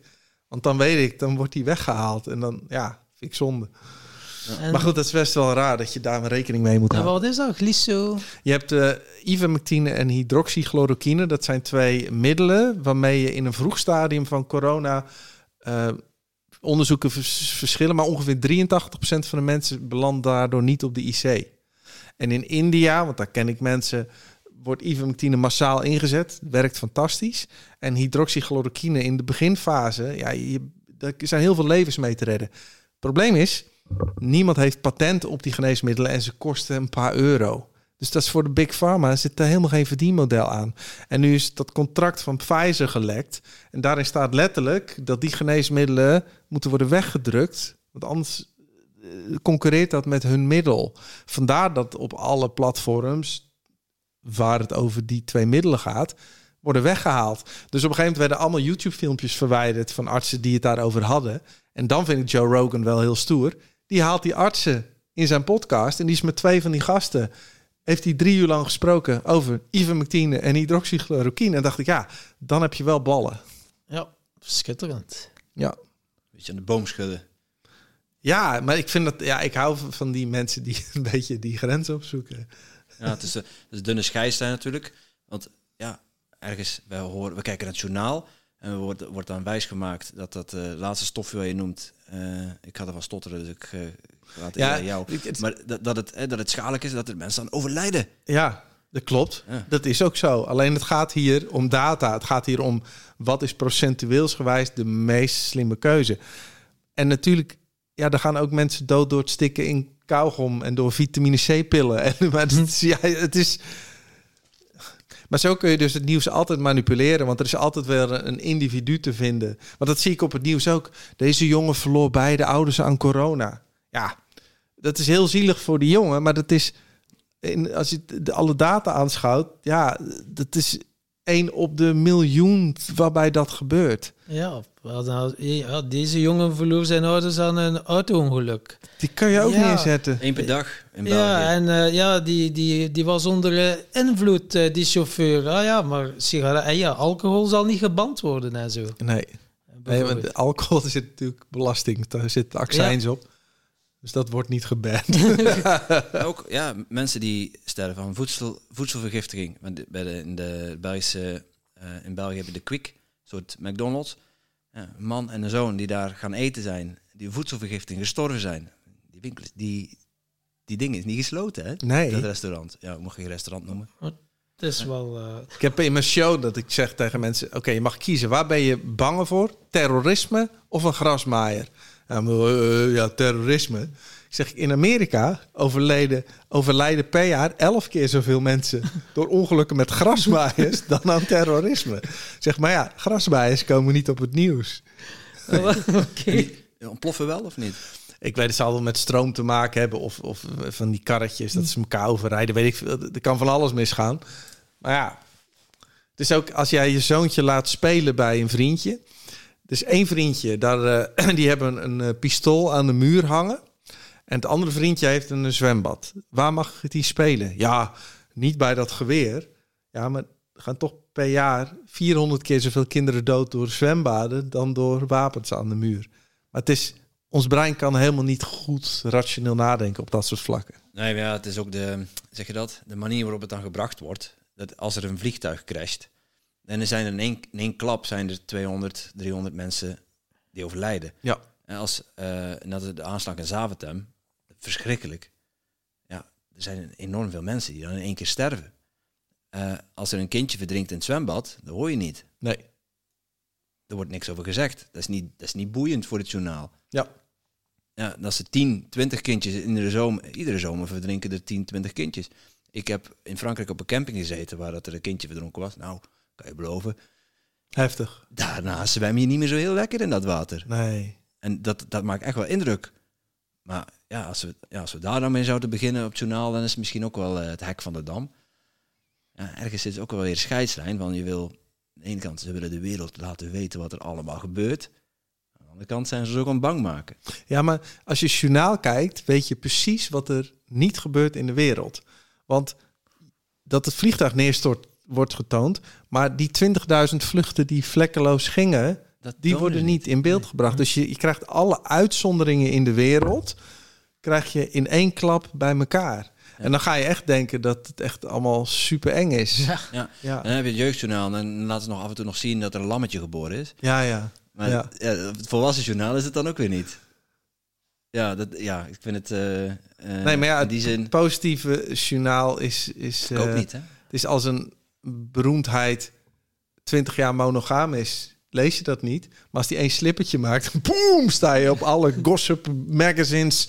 Oeh, kijk eens wat hij doet. Ja, Maar hoe, hoe komt dat? Want jij bent er expert in. Eh, hoe komt dat wij daarop aangaan? nou, eh, eh, alles wat een uitzondering is, daar reageert ons brein op. Want dat kan een bedreiging vormen of dat is nieuwe interessante informatie. Ehm, plus alles wat smeuig is voor ons brein, dat triggert onze, ons beloningssysteem het meest. Dus, dus we hadden ook een beroemde zanger, Marco Borsato, en die ging dan vreemd. Maar die heeft zichzelf altijd voorgedaan als de ideale schoonzoon. Ja, en dat, dat ons brein, dat, daar krijgen we dopamine shots van, zeg maar. Dus om onszelf gelukkig te voelen, lachen we om zijn ellende, als het ware. En, eh, en wij zijn van nature heel nieuwsgierig. Dus als op zo'n gossip magazine staat, ging Marco Borsato vreemd, met een uitroepteken. Hé, wat, wat, ging hij vreemd? Eh, dus, dus daar duik je bovenop. Ja, zelfs, zelfs als het niet waar is ook. Zelfs als het niet... een vraagteken achter staat. Ja, Ja, Ja. Ze doen niks mis, ze stellen alleen een vraag. Klopt, dus het zijn juridisch kun je ze niets, eh, niets maken. Nou ja, dus, dus ons brein slaat daar gewoon op aan. En zeker bij bekende mensen, eh, dat is het principe van de autoriteit. Eh, Van, van, vanuit de oertijd al keken wij vaker naar leiders dan naar andere mensen. En dat was slim, want zo vergroten je je overlevingskansen. Dus nu nog steeds, als het er een beroemdheid is, heeft jouw brein meer interesse voor die persoon dan voor je eigen buurvrouw als het ware. Ehm, dus dat zit ook ingebakken. Ja, het zijn niet per definitie eh, interessantere mensen. Of eh, en we merken dat in de podcast ook. Met bekende Nederlanders, bekende Vlamingen. We dachten daar beter mee te kunnen scoren. Het zijn niet de betere gesprekken. Niet per se. Nee, niet per se. Nee. En aan de andere kant zie je wel dat eh, eh, als we dan op bezoek komen bij, bij iemand en dan die hebben dan wel, als ze onze podcast nog niet kennen, hebben ze wel de personen eruit gevist die dan wel net iets bekender zijn. Oh, echt? Ja. Oh, ik, heb me er helemaal niet in verdiept. Nee. De, me- de, de, meesten verdiepen zich er net als wij eh, niet, niet in. Ik denk dat de Maar- meeste mensen eh, kijken naar de titel, over wat dat gaat. Ik maak toch ook mijn selectie zo, voor podcast te luisteren. Hoe doe jij dat? Als jij podcast luistert, is het zo gewoon, lees je over wat gaat en luister Nee. dan, of ga je random luisteren? Random. En vaak bij Joe Rogan scan ik of ik iemand een beetje ken of dat hij wat hij doet. Ehm, ja, en met podcast, ik merk heel erg die podcast die ik met Patrick doe. Wij hebben natuurlijk 400 nog wat. Dus dan, hij weet gewoon aan de hand van de titel of we veel of niet luisteraars krijgen. Dus we hebben eentje, hebben we expres de ultieme seks genoemd. Ja, die wordt ook het meest beluisterd, zeg maar. Als experimentje. Als experiment. En ik had er met Guido eentje over corona. Ja, en dan maak ik als titel schapen, wappies en twijfelaars. Weet je, dat is... Ja, huh, wat? En eh, dat, dat vinden mensen, dat triggert, interessant. En dan natuurlijk je, je thumbnail moet altijd dat doe ik dan iets genuanceerder, maar het liefst een heel verbaasd kijkend persoon. Van, van "Oh, wat gebeurt hier? En dan weet je, dat, dat klikt ons brein het vaakst. Hoe gaan, we, hoe gaan we deze aflevering noemen? Dat weten we pas aan het eind. Maar het, ja, hoe smeuiger, hoe meer we klikken. En dat zie je op TikTok natuurlijk ook. En op Instagram. Wat wordt het meest bekeken? Meisjes in, in eh, schaarse kleding. Die hebben gewoon eh, miljoenen volgers. En dan zitten wij intellectueel als best dan heb je, dan heb je 100 luisteraars. Dat is oneerlijk. We, Maar goed. we hebben 400 volgers ondertussen. Ja. Ja. Misschien moet Tom eh, zijn bikini aandoen. Ja, toch eens Bijvoorbeeld. proberen. Ze had, al eh, te fantaseren. Want eh, Tom, eh, Tom die wil graag een, een Dalfs een duik nemen in de vijver daar. Oh ja. Hij is al een keer geweest en dan weet dat hij daar geen zwembroek aan moet. Dus dan gaat hij daar naartoe.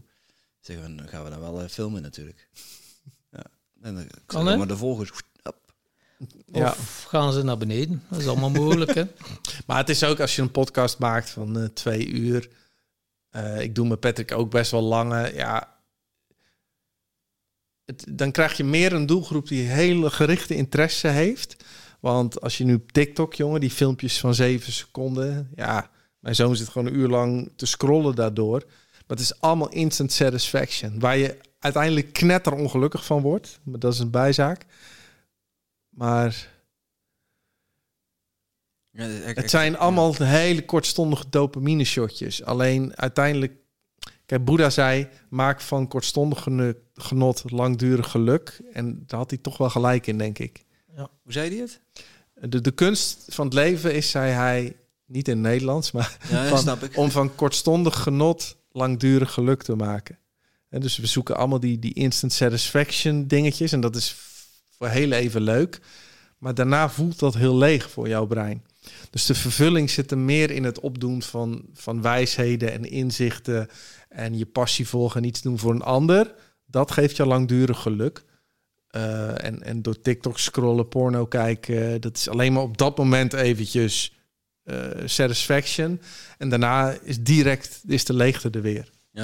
Het is ook wel interessant om, om te weten, voor mensen denk ik, dat je zelf kunt nog enigszins kunt kiezen wat je ziet op je feed en op je, op je Instagram bijvoorbeeld.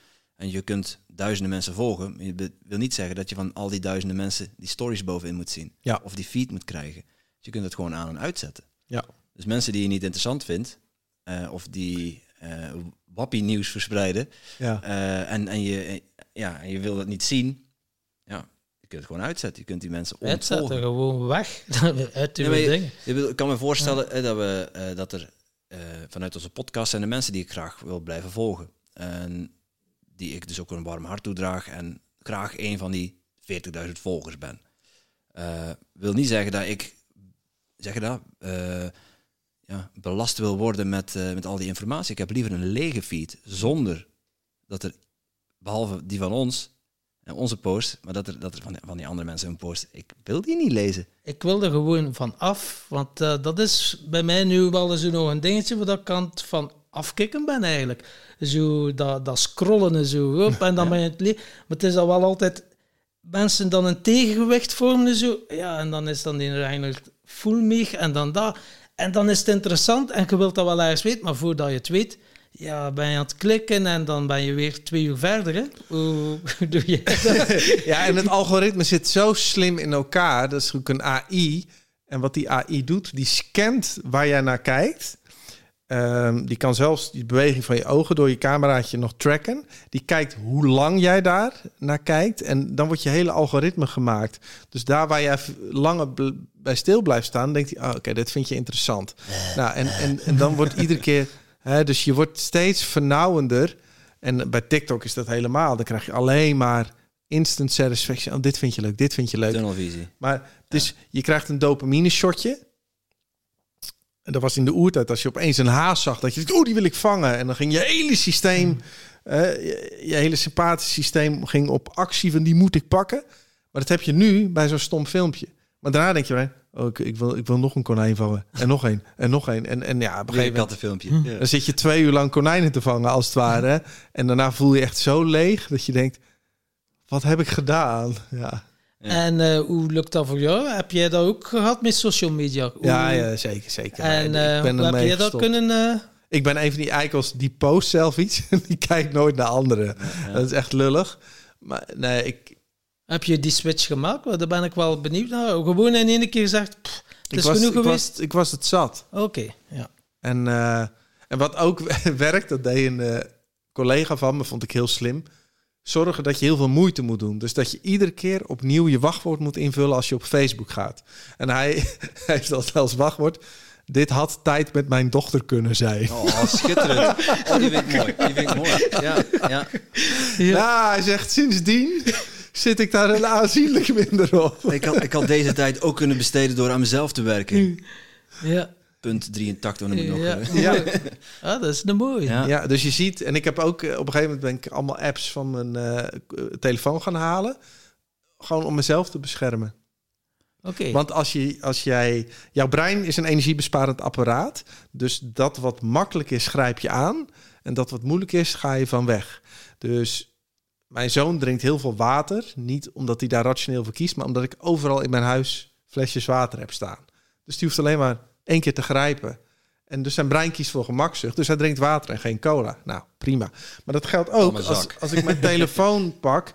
En ik moet, als ik op Facebook ga, heb ik een dubbele verificatie. Dus dan moet ik eerst weer een andere app starten en een code invoeren. En, en dus daar heb ik al geen zin in. Dus dat doe ik dan maar eens per... Ja, als ik echt iets wil posten. Dus zo heb ik mijn eigen brein, fop ik daarmee. Dat ik niet in die valkuil Dat is stap. wel eh, een interessante. Want ja, voordat je het weet, ben je weer aan het scrollen. En eh, ja, dan denk je erachter, what damn. Ja. Ja, En het, bij, bij Facebook lukt dat dus niet om dat zo, zoveel als mogelijk uit te zetten. Maar bij Instagram kun je dus je feed op nul Ja. zetten. Nul, leeg, volledig leeg. Dus dat betekent ook dat je die app kunt gebruiken om dingen te posten. Mhm. Eh, maar je kunt ook ervoor kiezen om die app niet op je telefoon te zetten en het via de computer te doen. Eh, Facebook, Instagram heeft een business suite waarmee je dus berichten, posts online kunt publiceren op je pagina, op je Facebook-pagina, zonder dat je op Facebook of op Instagram zit. En dan kom je dus ook niet, dan zit je in een bedrijfsomgeving, en dan ben je aan het werk en dan kom je ook niet in de verleiding. Dus terwijl ik dit zeg, note to myself, ja, Facebook heb ik al van mijn telefoon gehad. En Instagram, ja, het is wel, het is wel leuk om, om aan mensen te laten weten hoe tof onze zomertour is. Dat vind ik Ja. wel leuk om te delen. Dus het is heel dubbel dat je. Ik wil wel dat mensen mijn post Ja. gaan, gaan zien. En dan ben ik ook nog zo'n eikel die dan toch even kijkt hoe vaak is die video nu bekeken. Oh, 6000 Ja, toch keer in een paar uur. Oké, oh, dat gaat goed. Eh, terwijl ik zelf kijk niet naar die mensen.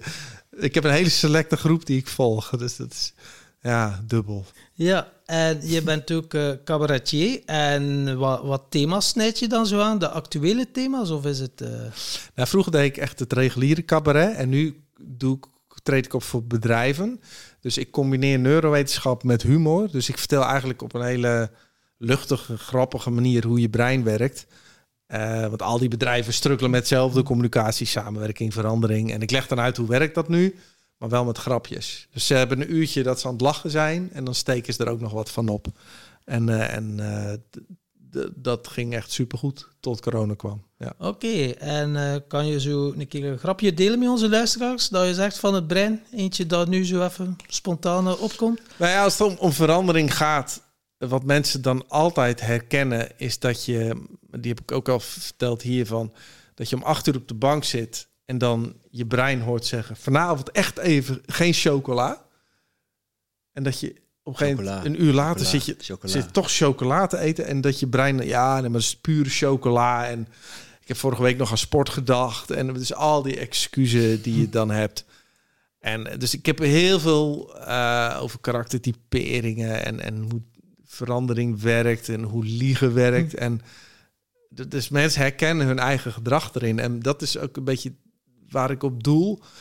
Dat je ehm, snapt hoe je eigen brein werkt. Want dan kun je erom gaan lachen. En dan ga je hem ook minder serieus nemen. Ja, ja, ja.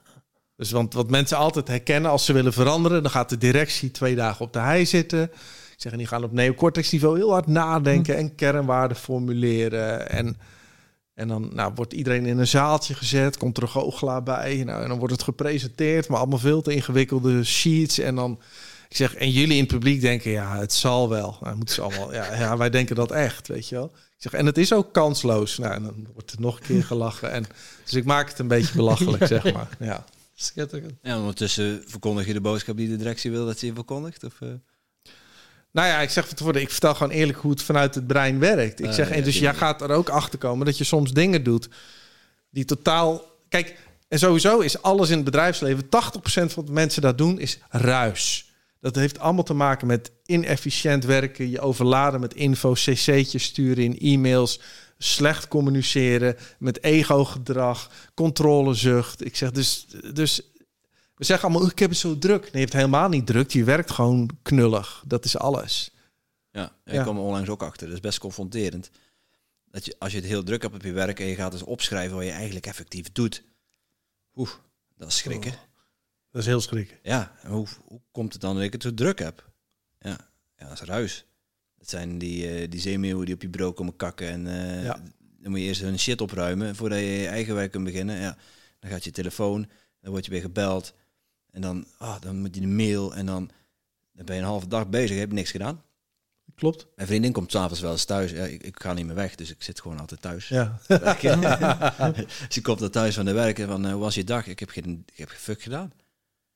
Ben bezig geweest met, met, met hete aardappels doorschuiven of dozen ja, schuiven. of, vergaderen, ah, eindeloos rapporten vergaderen. schrijven. En nu, nu valt het bij, bij mijn werkgever eigenlijk nog wel mee, want ja, we hebben zo ook wel iets van, voor je in de vergadering stapt, weet je wat je komt halen en wat je komt brengen. Oh ja. Dat is al heel Dat wat. is al een eye-opener. Maar dan nog, onze eigen teamoverleggen, die duren soms drieënhalf uur. En ik denk van, Dat voegt niks toe. nee, ik wil hier helemaal niet bij zijn.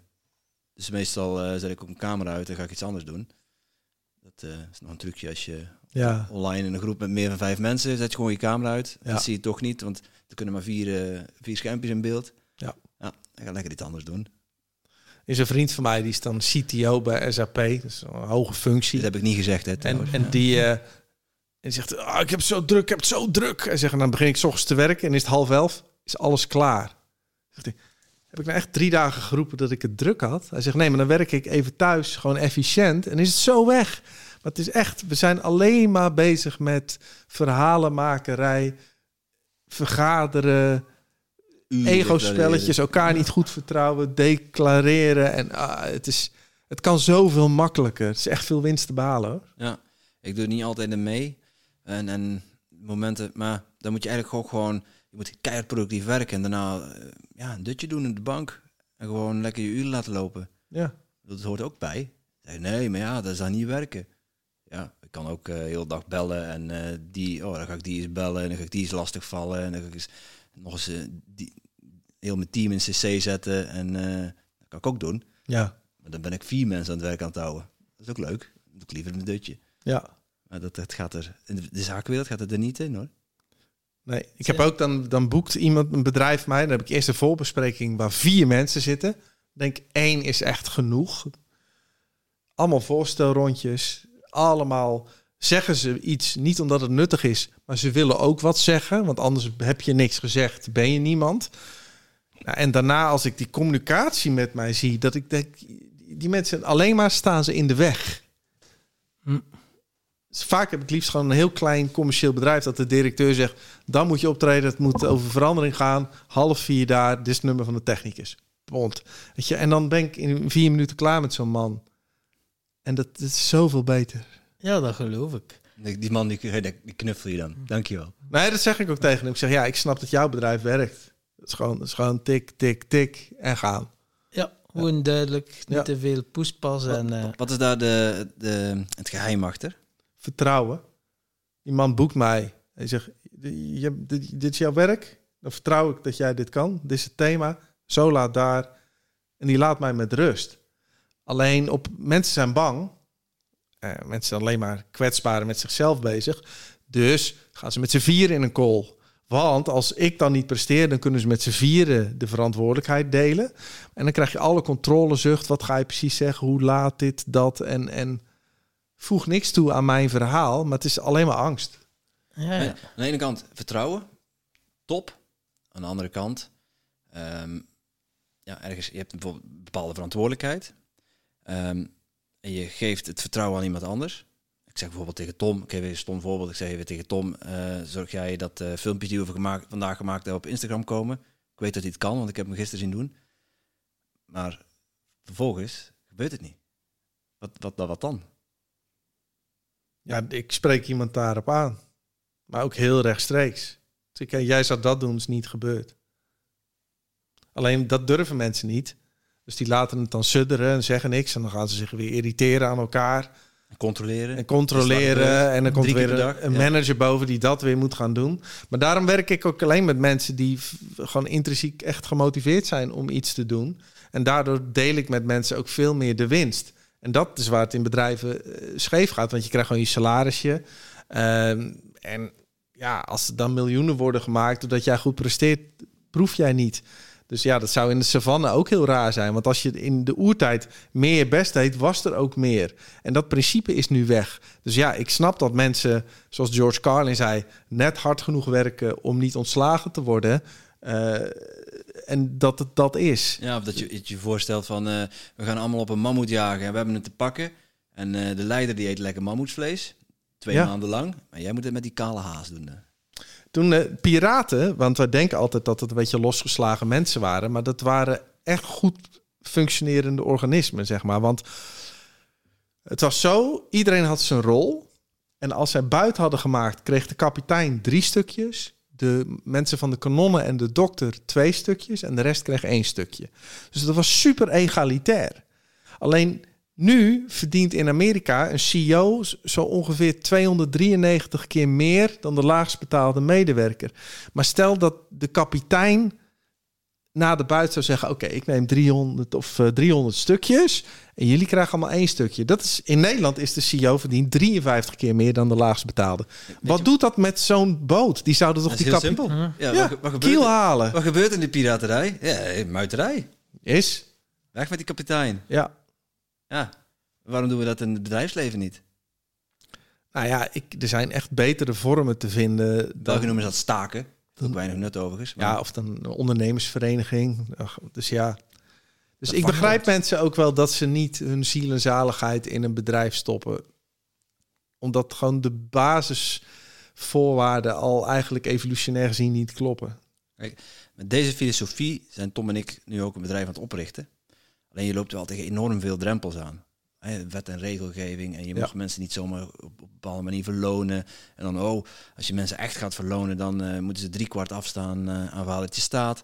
Dus je wordt, het wordt ook echt wel heel moeilijk gemaakt om het op een eerlijke manier te verdelen. Ja, ik werk met dan ZZP'ers.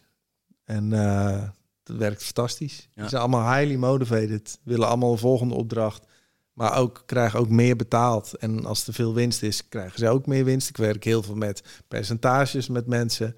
Dus ja, Ja. komt er veel binnen, krijgen zij ook veel. Ja, en dan soms verdienen ze ook net te veel dan. Top. En dat doen ze ook Maar dan hebben ze ook hun best voor mij gedaan. En als ik de volgende keer weer iets wil starten, dan doen die mensen weer mee. En er is niemand die denkt, die Smit, die bedondert mij en die wil altijd de haantje de voorste. En was ook in Amsterdam zo'n ondernemer die, als hij zijn bedrijf verkocht, verdeelde hij zijn winst gewoon over iedereen die had geholpen. Hij zegt, en dat kost mij dan 2 miljoen op dat moment. Zeg maar, als ik een nieuw bedrijf start, iedereen doet mee en iedereen is gemotiveerd. Toen dacht ik, ja, dat vind ik wel tof. Ja, Ja. maar aan de andere kant, kijk, je hebt dan eh, bijvoorbeeld, eh, kijk even naar ziekenhuizen bijvoorbeeld, daar werken dokters, ja, die hebben flink gestudeerd. Eh, dat is toch normaal dat die zoveel verdienen. En die krijgen dan ook nog via de receptje als uitschrijven, ook nog eens een fee van, eh, van eh, Mr. Big Pharma. Ja. Ehm, maar er werkt ook een secretaresse die ervoor zorgt dat die dokter zich geen zorgen moet maken over zijn agenda. Dat die dokter zi- zijn, agenda, zijn of haar agenda ramvol zit en dat hij lekker kan werken. En zorg dat, dat, dat, dat die dokter heerlijk zorgeloos kan werken en na haar werk gewoon naar huis kan om voor de kinderen te zorgen. Ja. Die secretaresse die werkt net zo hard als die dokter, namelijk wellicht 40 uur. Alleen hebben ze een andere diploma en moeten ze daardoor een andere gage krijgen. Ik snap het niet goed. Nou, het grappige was, er was een, eh, een keer een staking in New York. De vuilnismannen legden het werk neer. Toen werd in zes dagen, na zes dagen werd een noodtoestand uitgeroepen. Want alle ratten kwamen de straat op. En, en toen ging een, eh, een paar maanden later gingen bankiers, die waren het zat in New York, die zeggen, en nu kappen we ermee. En die gingen staken. En na een half jaar zijn ze maar weer naar hun werk gegaan. Want wat gebeurde er? Als mensen geld gingen lenen, zeiden ze tegen de cafébaas van... eh, joh, ik leen even wat geld voor die, schrijf jij het even op een briefje. Oh, is goed joh. En dan, en dan, dus mensen gingen gewoon onderling dat soort dingen doen. Dus en dan zie je, oké, die vuilnisman zeg je, die heeft weinig gestudeerd. Maar die is toch aanzienlijk belangrijker dan die mensen op de bank. Want die, die voegen sowieso over het algemeen niet zoveel toe. Maar ja, het is, het is waar. Dus ik denk dat het qua inkomens is een, een, een organisatie of ook een samenleving die meer egalitair is. Dat is veel natuurlijker voor hoe ons oerbrein in elkaar zit. Denk je ook niet dat we gaan naar zelfvoorzienende communities? Dat, eh, Zeker. Zeker nu, nu we uh, medische apartheid krijgen, zie je al bewegingen in Nederland ook, allemaal verschillende stichtingen van mensen die gewoon bij elkaar gaan zitten, zelfvoorzienend worden en dan het samen leuk hebben. Ja, Ja. ja dat voel ik ook wel. Ja, Want wat is jullie uh, plan met qua bedrijf, wat je aan het doen bent? Ja, wij, uh, wij, wij zijn uh, bezig met de oprichting van Toedeloe. Zeg Toedeloe tegen bullshit gedachten die je tegenhouden om te groeien. Oh, leuk. En ja, kies voor 1% groei, 99% fun. Ah ja. Het leven is al serieus genoeg, dus je moet jezelf niet altijd even serieus nemen. Heel wijs. En het is eigenlijk een, uh, we hebben een, een jaartraject, uh, het Groeikompas. En, en, in dat jaartraject is eigenlijk een, uh, een ontdekkingsreis, letterlijk. En je start op, je, op, een, op een schip, maar dat schip is gekapseisd en je ligt op open zee, op je vlotje dobber je rond. En ja, je gaat op zoek naar je buddies. Dat zijn mini-masterminds, groepjes van vier.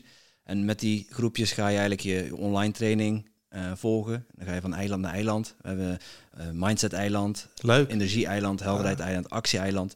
En na twaalf maanden heb je eigenlijk ja, van alles een beetje kunnen proeven waar het om gaat over persoonlijke ontwikkeling. Dus wij hebben alles wat wij zelf al gelezen, verslonden, uh, geconsumeerd en ja, geproduceerd hebben, eigenlijk samengevat in een, in een cursus. En gewoon alles wat voor ons werkt, daarin gestoken. En als het voor ons niet werkt, bijvoorbeeld in je eentje een online cursus doorlopen, werkt niet. hij werkt niet. Nee, doe het lekker met z'n vieren. Ja, dat is echt. En ja, je steekt meer op van die uh, de mensen die bij ons nu in het, uh, in het traject zitten. Die zeggen, ja, eigenlijk die online training, ja, dat is eigenlijk het leukste is eigenlijk uh, die buddygroepjes. En ja. die online ontmoetingsmomenten, waar, waarbij je dus kunt leren van elkaar. Ja. Ook dat je, vindt wel belangrijk dat iedereen ook wel kan proeven van, van alles en nog wat. En dat je een soort tapas serveert. En dat je zelf kunt bepalen wat je lekker vindt. Leuk. En als je ergens een online cursus koopt, dan gaat het bijvoorbeeld over mindset, of het gaat over non-dualisme, of over uh, mediteren, of over Kundalini yoga. Ja. Heel specifiek. En wij willen het juist zo heel breed mogelijk houden. Dat je een proeftuin krijgt van, van persoonlijke Vind ik ontwikkeling. heel leuk. Ja. En dat mensen daarna ook gewoon hun eigen pad kunnen uh, bewandelen met een groeikompas. Dus Ja. hun eigen innerlijke kompas terug kunnen kalibreren. Ah ja. In een nutshell. Ja. Nee, het is fijn, want voor ieder wat wils, hè. Iedereen heeft zijn eigen, Ja. zijn eigen route. Ja. Ja. ja, En uiteindelijk je kunt het het... niet alleen ook, hè? Nee, nee, nee. We dachten eerst, het noemde groei-GPS, maar dan dachten we, ja, dat is al een exacte bestemming. Nee, nee, het is eigenlijk een kompas dat je gaat kalibreren, dat je weet van, oké, die richting, dat past bij mij. En dan Ja. ze kunnen proeven en kunnen experimenteren uiteindelijk. Ja. En dat is uiteindelijk wat dat leven ook om draait. Hè. Ga proeven en zie wat dat bij jou past. Ja. ja meer, meer is het niet, Nee, klopt. uiteindelijk. Ja, en, en qua coaching, ja. Ik, eh, ik heb geen opleiding als coach. Eh, ik faciliteer masterminds. Dus ik vind het leuk om te zien hoe de dynamiek eh, in een groep werkt en hoe je die dynamiek kunt versterken. Eh, Tom is eh, hypnotherapeut, maar dan heb je het gehad. We willen eigenlijk alles aan kunnen bieden. Ja. En wij zijn nu met de pilot gestart en eh, ja, we noemen het eh, onze scheepsraad. Is gewoon een, een harde kern geworden van mensen die ook net zo bevlogen en, en betrokken zijn bij het laten ontstaan van, eh, van deze ontdekkingsreis. En ja, die helpen ook ons mee om de puntjes op de i te zetten en om, om ons terug opnieuw na te denken van Ja, ja, wat, zijn ja, nu, ja. wat zijn nu eigenlijk die leerdoelen? Wat gaan we nu leren? Waar gaan we naartoe? Dan moeten we niet met het einde. eh, Wat is het eindbeeld? Waar gaan we nu eigenlijk naartoe? Ja. Wij hadden het wel in ons hoofd. We kunnen het wel vertellen. Maar dat staat nog niet op papier. Nee, Ja, precies. en, en dan heb je andere mensen nodig die, die daar op scherp zetten. En dat zijn dan ook coaches. Dus die kunnen dan ja, zelfstandig zeg maar, een, een eigen coaching aanbieden aan mensen die ons jaartraject hebben doorlopen. En bijvoorbeeld meer interesse hebben in, eh, in mindset. Of eh, die met een ja, verbindend communiceren belangrijk vinden. Ja. Of die eh, misschien iets meer willen weten over non-dualisme. Kunnen naar jou sturen, bijvoorbeeld. Ja, mindset vind ik altijd wel een. Mindset is niet iets wat je doet, is het resultaat van je hele zijn, waar miljoenen factoren op inwerken. Anders dan, je brein laat zich niet foppen. Hè? Dus op het moment dat jij jezelf niet goed genoeg vindt of onzeker bent, kun je wel in de spiegel zeggen: Ik kan het. eh, ik, eh, het, ik doe het. Ja, Ja. maar jouw brein die denkt: eh, Dit is cognitieve dissonantie. Dus mindset is volgens mij iets wat van nature ontstaat doordat je met je persoonlijke groei bezig bent, waardoor je minder verkrampt, waardoor je meer intuïtief gaat leven en daaruit volgt dat als je in situaties komt dat je niet denkt oh paniek, maar dat je gewoon oplossingsgericht eh, werkt. En ik zie best wel veel, ook in Nederland, allemaal van die eh, van, ja, keuze en wilskracht. En nee, ja, maar vanuit neurowetenschap is het een totale flauwekul. Het Ja. zit, je, je moet eerst gaan graven. Je moet eerst inderdaad je oude pijnen, je trauma's, je, het. hele programmering, je roze bril die je op hebt, je hele subjectieve zienswijze. Dus, dus dat, inderdaad, dat, dat, dat is het avontuur waar je gaat beleven op Mindset Island. precies. Ja, nou ja, ja, maar dat- dat, dat, daar heb je. En als je dan na een jaar nou, dat allemaal beleefd te hebben, is automatisch je mindset veranderd. Maar niet omdat je op dag één zegt van, eh, maar nu, nu tjaka, positieve. eh, Nee. Het is eerst de shit opgraven. En eh uw beperkende overtuigingen, wat zijn uw Ja. patronen en gewoonten? Dan op het, aan het magische meer bijvoorbeeld, uw zelfbeeld. Hoe ziet u zelf? En dan ook de e-mail die je leven gaat veranderen. Je stuurt een mail van, hoe zien de andere mensen nu? Je Ja. bent verplicht om hem naar vrienden en familie te sturen. Eh, verplicht. Ja, Net zo dat, verplicht kan je inderdaad ja. van eh, naar 30 mensen sturen. Van, hoe zie jij mij nu? Maar niet enkel de positieve dingen, maar wat, wat kan beter? Dus Ja. als je dat krijgt, die feedback van 30 mensen, ja, dat is goud. En Ja. daar kan je mee aan de slag. Maar dat moet wel graven in jezelf en er wel tegen Ja. kunnen Jezelf natuurlijk. kwetsbaar opstellen. Ja. Dat is wat, wat wij heel goed zien, zeg maar, in die, eh, en vooral in die online meetings. Eh, want je hoeft niet per se met z'n allen fysiek samen te komen. Je kunt online kun je heel makkelijk met 30 Groepjes. mensen samenkomen. ja, ja. Je kunt dan weer in breakout rooms opdelen. Ja, die, eh, omdat het allemaal gelijkgestemden zijn en je bent allemaal met die reis bezig. Hè, dat is ook je persoonlijke ontdekkingsreis, ja. je persoonlijke ontwikkelingsreis. Ben je automatisch al eerder bereid om eh, kwetsbaar te zijn, of jezelf kwetsbaar op te stellen. En als jij je kwetsbaar opstelt, dan ga ik mezelf ook kwetsbaar opstellen. is zo. En ja, we krijgen dingen te horen dat ik denk van, vertellen mensen dit tegen elkaar? Dat zijn gewoon vreemden. Ja. Eh, Ja, dat is echt op een heel bijzonder niveau. Dat, dat zou ik niet eens tegen mijn vrienden vertellen. Nee, maar het is wel als mensen zich veilig voelen en ze zitten binnen jullie context, dus ze weten ook inderdaad, oké, dit is een reis die we maken. Ja, dan. Kijk, als mensen pijn hebben, dat willen ze. Daarom komen ze ook bij jou in therapie dan. Mhm. dat, dat, dat moet eruit. Zeg maar. Het is toch een bal die je onder water houdt. Dus als je daar ruimte voor geeft, dan. eh, ja, Ja, dan komt er ruimte. En dat is nu gewoon belangrijk. En het spirituele, ja, dat is ook onlosmakelijk bij verbonden. Hè? Want Ja. eh, de oorzaak of het ontstaan van je probleem kun je nooit op hetzelfde trillingsniveau oplossen van Nee. waar dat is on- ontstaan uiteindelijk. De oplossing ligt er nooit. Ja, dat ligt, Nee. Je moet op een hogere trilling gaan. Maar ja, dat kan je niet van in het begin, de eerste les. Je zo over trillingsniveau en eh, dan gaan ze zeggen, oké, zweef maar weg met je bezem of zo. Maar eh, ja, het is wel, met mondjesmaat ga je dat wel meegeven van, hey, alles is energie. We hebben het er ook al over gehad. En dat klopt ook. En je kan dat op verschillende manieren benaderen, zodat het ook wel bevattelijk is voor je mind. ja zeker. En, eh, maar dat zijn stapjes die je zet. Oké, ik ben nu drie jaar, vier jaar mee bezig. Gestopt met de verslavingen, burn-out, bore-out, noem maar op. Destructieve relatie. Ja, ik heb wel wat dingen gehad. Maar nu zie ik het als een groot geschenk. Ja. Ik denk van, wauw. Ja. Maar ik kan hier massa's mensen mee helpen, maat. Ik heb die pijn doorleefd, doorvoeld. Ik heb dat pad bewandeld. Ik ben erin gegaan. Ik heb het, de, de- het monster recht in zijn bek gekeken. Dus ik weet, ik voel En ik voel, ja, ik kan mij ook nu veel meer... Vroeger zei ik, ah, ik kan niet voelen. Ja, natuurlijk, als je verdoofd, kun je niet voelen. Nee. Maar tuurlijk, ik was HSP, heb ik dan begrepen. Ik voelde supergoed, maar ik kon de confrontatie met mezelf niet aan. Ja. Ik was zo bang om te voelen. Ja, en dan zei ik, oh nee, maar ik ben een sociaal, altijd op café. Nee, nee, ik kan dat niet alleen zijn. Ik ben een sociaal, nou, moet toch een beetje klappen. tegen. Nee, nee, bang voor jezelf. Ja. Om zo in stilte te zitten. En dat heb ik nu wel door. Dan denk ik, wauw, het is in de stilte waar dat je wel je antwoorden vindt. Ja. En dan denk ik van, wauw, wat een cadeau. Maar dat gaat ook niet van de ene dag op de andere dag. Nee, het is echt een proces. Ja, dat is Ja. het. Het is ook nog mee vallen en opstaan. Het is soms Ja. zo, woep, maar herken het snel. Hola, ja, Ja. ik ging weer die... Wat is die bedoeling? Wat voel ik precies? Waar zit het? Oké, het zit hier. Oké, maar het mag er zijn. Oké, ik ga het omarmen. En dan voel je het, kan je transformeren. De vraag met twee letters. Oh? Als er iets gebeurt, oh? Wat, Glenn tegen ons zei, Glenn Vergoosen. Ja, bijvoorbeeld. Maar het is gewoon Die het... bewustwording, die trigger voor jezelf van niet de trigger van ik grijp naar drugs, alcohol of eten. Nou, dat is- maar de trigger van ja. wat gebeurt hier? Interessant. Het, het, is, het is, je gaat de pijn herkennen als een soort alarmbelletje, een soort geschenk haast van, ah, hier is iets. Want op een gegeven moment moest ik er ook om lachen als ik dan zo in die kramp zat en dan voel je in je hele systeem van, ah, er zit iets dwars. Ah, en, en dan dacht ik, ah, dit is super kicken, weet je wel, van, oké, oké, wat is dit? En dan werd ik nieuwsgierig en dacht ik, waar komt dit vandaan en wat, wat zegt dit? En, maar dat is zo'n andere mindset op dat eh, moment dan, dan alle strategieën die ik vroeger had. Want dan trok ik gewoon een fles wijn open en dan eh, ging je snel vrienden bellen en porno kijken. En dan ging ook prima. Samen ook in de bank, ja. ja. Ja. Ja.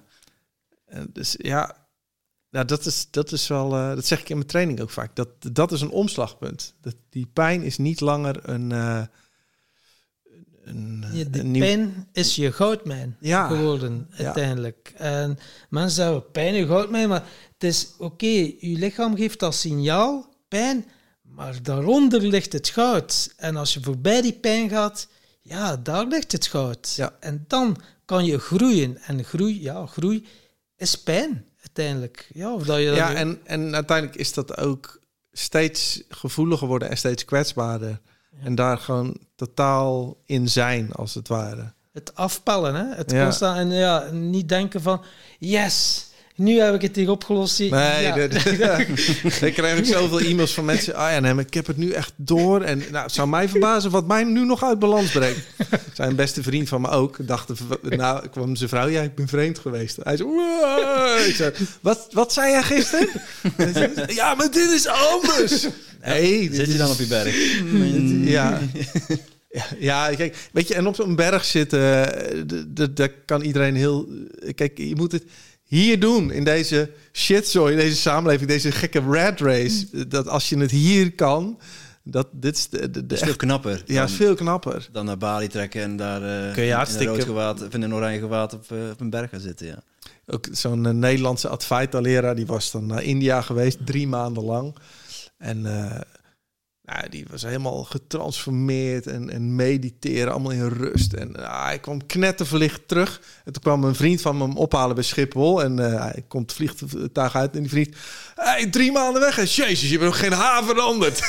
en, eh, hij zei, ja, maar je bent, ik ben getransformeerd. Ja, joh, schijt eruit met die flauwekul, weet je wel. En, en ook met kwaken, kikker. Ja, nee, maar goed, die mensen die roepen van ik ben verlicht, dat eh, sowieso kan een ik nooit verlicht zijn. Want verlichting is doorzien dat die ik er niet is, maar dat, dat roepen dat je zo knetter spiritueel verlicht bent, is ook gewoon seksuele selectie. Dat, dat is gewoon, oh kijk, mij is bijzonder zijn. En daarom gaan ook bijna al die goeroes te vallen in dat ze weer met tot aan Gandhi toe met, met vrouwen in het bed belanden. En Gandhi zei, ja, nee, maar ik doe dit als transformatieproces. Nee, ook Tantra, Gandhi was, tantra, ja. dit is ook gewoon, je wil gewoon seks. En dat is niet erg, want we zijn gewoon biologische wezens. Maar verkoop jezelf niet als iets beters dan dat. Zeg En maar. je hebt dan eh, verlichting, hoor ik jou zeggen. Je hebt wel een boek geschreven, Verlichten voor luieriken. Nee, het is, ja, dat is een beetje, het is verlichting voor luie mensen. Of, En dat, ja, dat is een beetje als grap bedoeld ook natuurlijk. oké. Kijk, ehm, wat je vaak ziet is dat mensen denken: oh ja, ik moet verlicht worden en nu moet ik van alles doen. En dan ga je ontzettend aan jezelf sleutelen. Dus je moet. eh, eh, het hele circus af. Alleen non-dualiteit zegt dat de bevrijding zit hem erin. Dat je inziet dat uiteindelijk dat ikje wat je denkt te zijn, die is er helemaal niet. Je bent gewoon energie en beweging.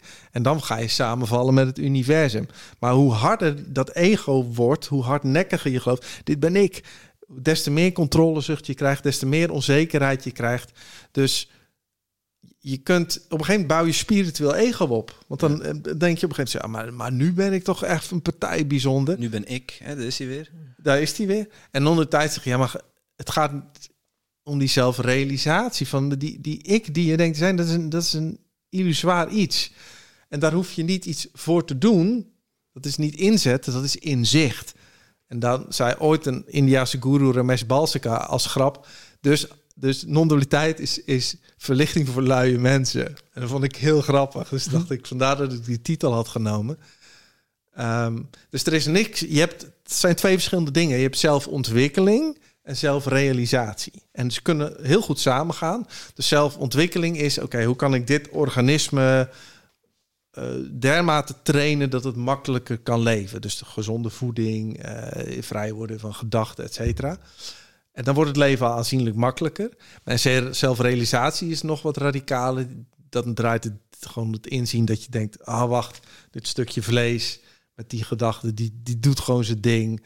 En dan ga je gewoon met meer compassie en humor naar het systeempje kijken. En dan boeit het ook niet meer zoveel wat anderen daarvan vinden of wat jij daarvan vindt. Dus dan, Vanuit een ander bewustzijn ga je er dan naar kijken. Juist. En zij noemen dan het getuigen zijn. Dus jij bent uiteindelijk het bewustzijn wat naar het poppetje kijkt. Maar je bent niet het poppetje.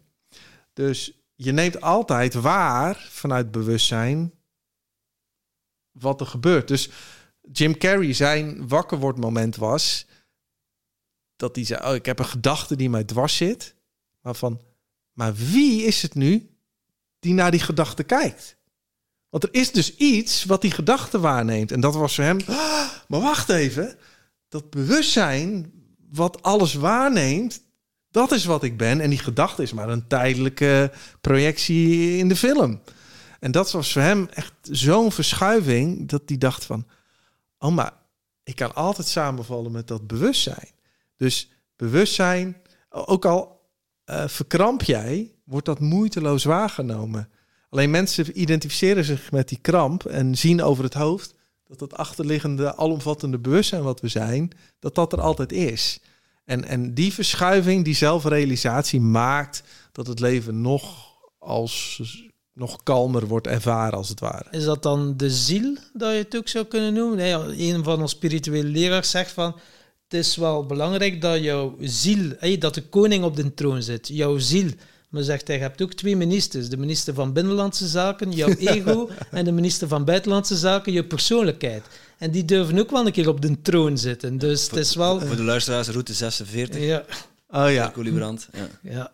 Dat vind ik een leuke metafoor. Ja. En alleen dan als je het ziel noemt, de, je kunt het bewustzijn, kun je ook energie noemen, ja. of God of Da of Brahman of ziel. Maar dan, dat, er, is, er is er maar één. Dus er zijn niet 7 miljard zielen. Het is één ziel. De universele De universele waarin alles zijn, spelletje speelt, zeg maar. Ja, en eens, ja, in mijn ayahuasca heb ik het al een paar keer kunnen ervaren ja, je kan het wel lezen in boeken, alles is energie. Ja, het zal wel, oké, je gelooft dat wel ergens, van ja, dat klopt wel.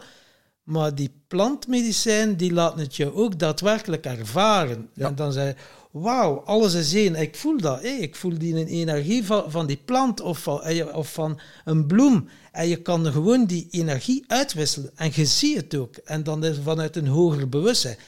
Dan heb je wel die ervaring in je systeem. Dan denk je van wauw, oké, ja, dat klopt echt wel. En dan voel je ook wel, eh, ja, niet elke keer die ervaring, maar soms die, die trillingen zo. Oké, dat is joy, vreugde. Oké, nu zit ik op die trillingsfrequentie vreugde.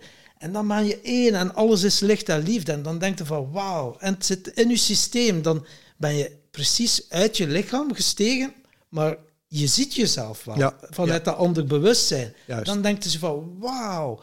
En nu kan ik soms, omdat ik die ervaring heb gehad, zonder ayahuasca, kan ik dat nog wel de natuur. Het is natuurlijk niet zo in detail, maar je weet de weg. Inderdaad, vannacht, vannacht begon hij met de besluip als een panter.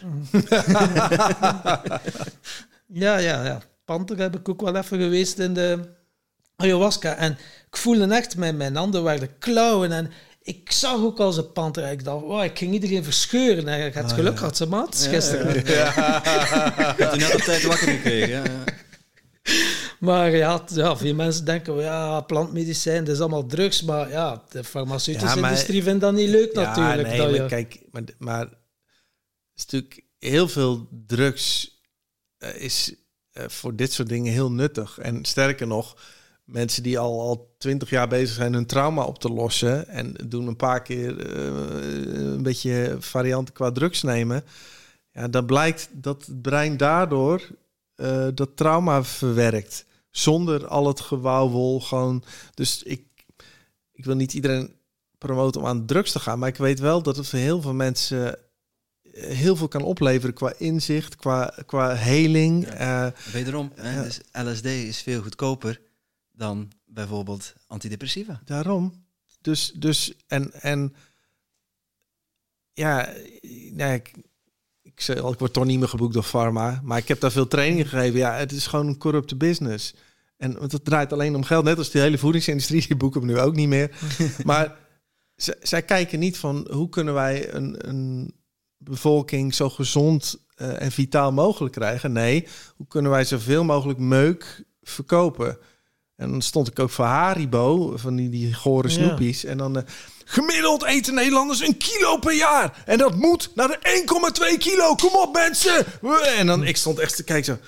Gast, gewoon, wat, wat staat, als jij nu doodgaat, wat staat er dan op jouw graf? Van, hier ligt Harold, hij verkocht heel veel Haribo. Ik bedoel, eh, maar gewoon, dat ik denk, is dit nou, is dit nou echt bewustzijn? Ja, dat is blijkbaar zo. Maar gewoon dat, dat jij echt bent gaan geloven dat het verkopen van, van zooi jouw hele missie in het bestaan is. Maar ja, blijkbaar is dat dan...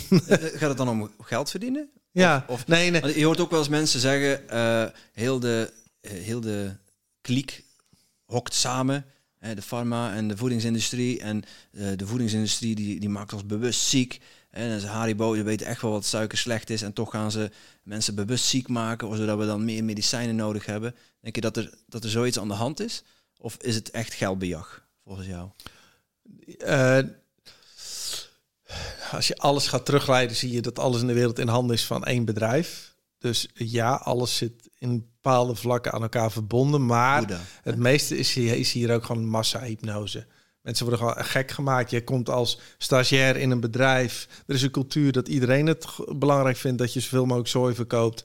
En dan wil je ook nog je ego, wil ook nog status hebben. En iedereen doet het, dus jij doet het ook maar. En dan stond ik ook voor Pepsi Cola. En dan, eh, nou, de, de, ene is nog slechter dan het andere. En mensen, ja, marketing en meer. En ja, dat is gewoon massa-hypnose. En dan moet je ook wel weer heel dapper zijn om te zeggen, ja, we kunnen misschien ook flesjes water gaan verkopen of zo. En, maar ja, weet je wat is? Daar heb je hele afdelingen die zijn bezig om het bliss point te vinden. Het punt waarop onze nucleus accumbens, ons beloningssysteem, zo verzadigd raakt aan die zooi. In paprika chips zit dat of Coca-Cola, weet je. Dat is zo zoet en, en eh, zo'n smaak gecreëerd dat je niet meer kunt stoppen. En ik heb dat zelf als ik dan drie avonden paprika chips eet. De, de vierde avond roept mijn brein gewoon Paprika, Paprika chips. chips. Paprika chips. en ja, dus al die, die één nummers zitten erin. Die 261 is volgens mij. Het is knetterverslavend. Alleen zij willen gewoon meer winst draaien. En iedereen is dat normaal gaan vinden. Aan de andere kant zie je nu ook tegenbewegingen. Hè? Dus dat steeds meer mensen, en de Albert Heijn moet nu ook wel meedoen. Ja, die denken, ja, ho ho. eh, Ja. ik, ik kap hier even mee. Dus die bewustwording aan de andere kant zie ik ook wel meer. Ja, maar ook die wordt weer vercommercialiseerd. Ja. Als we het hebben over bijvoorbeeld bio. hè, Ja, Nu is dat, dat, is, dat is de heilige graal, de heilige koe geworden. Eh, in ieder geval bij ons. Bio, daar mag je niet aankomen. Dat is Ja. heilig. Maar is het wel echt zo gezond? Weet jij waar je eten vandaan komt? En is het wel echt bio? Want de lokale boer die koopt misschien eh, zijn asperges op bij, eh, bij die andere boer op de hoek. En die Klopt. verkoopt het als bio op de, op de biomarkt. wil niet zeggen dat dat, en als dat echt lokaal gekweekte groenten zijn, dan kan dat best nog wel lekker en gezond zijn. Ook al zijn daar producten opgespoten. Eh, wil niet altijd zeggen dat je daar eh, ziek van wordt en dan doodgaat. Maar ja, wat, weet je wel wat je koopt? Weet je wel wat je eet? Eigenlijk weten we het niet. Als je niet alles zou Klopt. analyseren, weet je eigenlijk niet wat je eet. Nee. En dan in de supermarkten wordt het dan aangesmeerd als eh, dit, is, dit is de rayon gezonde voeding. Nou, er zijn gewoon de prijzen maal twee gedaan en ze hebben er een bio-label op geplakt. En het is gecertificeerd, hè, dus gecontroleerd. Ja, zijn we weer. Ja, en dat is toch weer de, de aard van de mensen, die dan weer het maximale eruit wil halen. Je had ook eh, water, dat heette dan Earth. En, en hun marketing was dat alle winst van het verkoop van het water ging dan naar goede doelen. Ook weer voor een betere aarde. Maar ja, dat waren gewoon boeven. Want die verkocht dat water en die keerden zichzelf mega salarissen uit van miljoenen. En hadden nul winst. En alleen ja, mensen gingen, ah maar ik drink Earth, want ik ben zelfbewust. Ja, die- dan word je gewoon in de maling genomen. Dus ja, dat vindt helaas plaats. Ja, ik was mezelf met regenboogjes onder de douche. Ja. Ja, ja, ja, Grappig hoe het werkt. ja. Ehm, ik kijk eh, eh, even naar Tom. Eh, ik zeg 10, of zeg je dat? Lup. Het is eh 1 uur 50. Zit wel aardig op schema. Nou, zeker. Ja. Het, ik had het niet verwacht eigenlijk. Dat we al zo ver zaten. En Tom Kremers zei tegen ons, als je in connectie bent, dan eh, is tijd voor geen nul. Maar tijd bestaat gewoon niet, dat is enkel in ons hoofd, denk Maar het is echt, Ja, ja. Zei Einstein al, als je een date hebt met een mooi meisje, dan, dan vliegt de tijd voorbij. Zeg maar, als je over hete kolen moet lopen, dus iedere seconde duurt een uur. En eh, ja, dat is echt zo. ja, ja, ja. En ja, tijd is een illusie. Eh, ja, voor veel mensen, wanneer ja, je kijkt op de klok, het is toch tijd. Hoe kan je, hoe kan je dat... eh, ben jij ook zo, ja, tijd, kan je dat ook laten gaan? Of is dat toch iets eh, voor jou? Je zit al iets verder in dat proces, denk ik. Nou ja, kijk, binnen het verhaal is tijd gewoon een middel om te ordenen. Dus als wij zeggen, we spreken af om die datum, die tijd, is het, is het nuttig. Eh, maar voor de rest is tijd een totaal subjectieve beleving. En, en daarnaast is het wetenschappelijk totaal subjectief. Hè? Want hoe, sneller jij door de ruimte gaat, des te meer die tijd wordt gemanipuleerd als het ware. Dat tijd-ruimtecontinuum van Einstein. Dus dan zie je al dat dat tijd totaal relatief is. Je had ook toen zo'n film dat ze dan eh, zo'n Star Wars-achtige film en dan gingen ze naar een andere planeet. Maar die ging zo snel door de ruimte dat ehm, de mensen die daar naartoe gingen waren daar twee weken bijvoorbeeld en toen kwamen ze terug op de aarde en toen en die waren dan iets van 30 jaar ouder geworden. Ah, bijvoorbeeld. Interstellar? Nou, zoiets Ja. achtig was het. Maar, maar dus ze hadden dat wetenschappelijk goed gedaan. Want hoe snel je door de ruimte gaat, nou is het allemaal. Goed, dan gaan we helemaal in de relativiteitstheorie in. Maar dan zie je dus dat zelfs wetenschappelijk is tijd totaal subjectief, maar ook gewoon in onze beleving.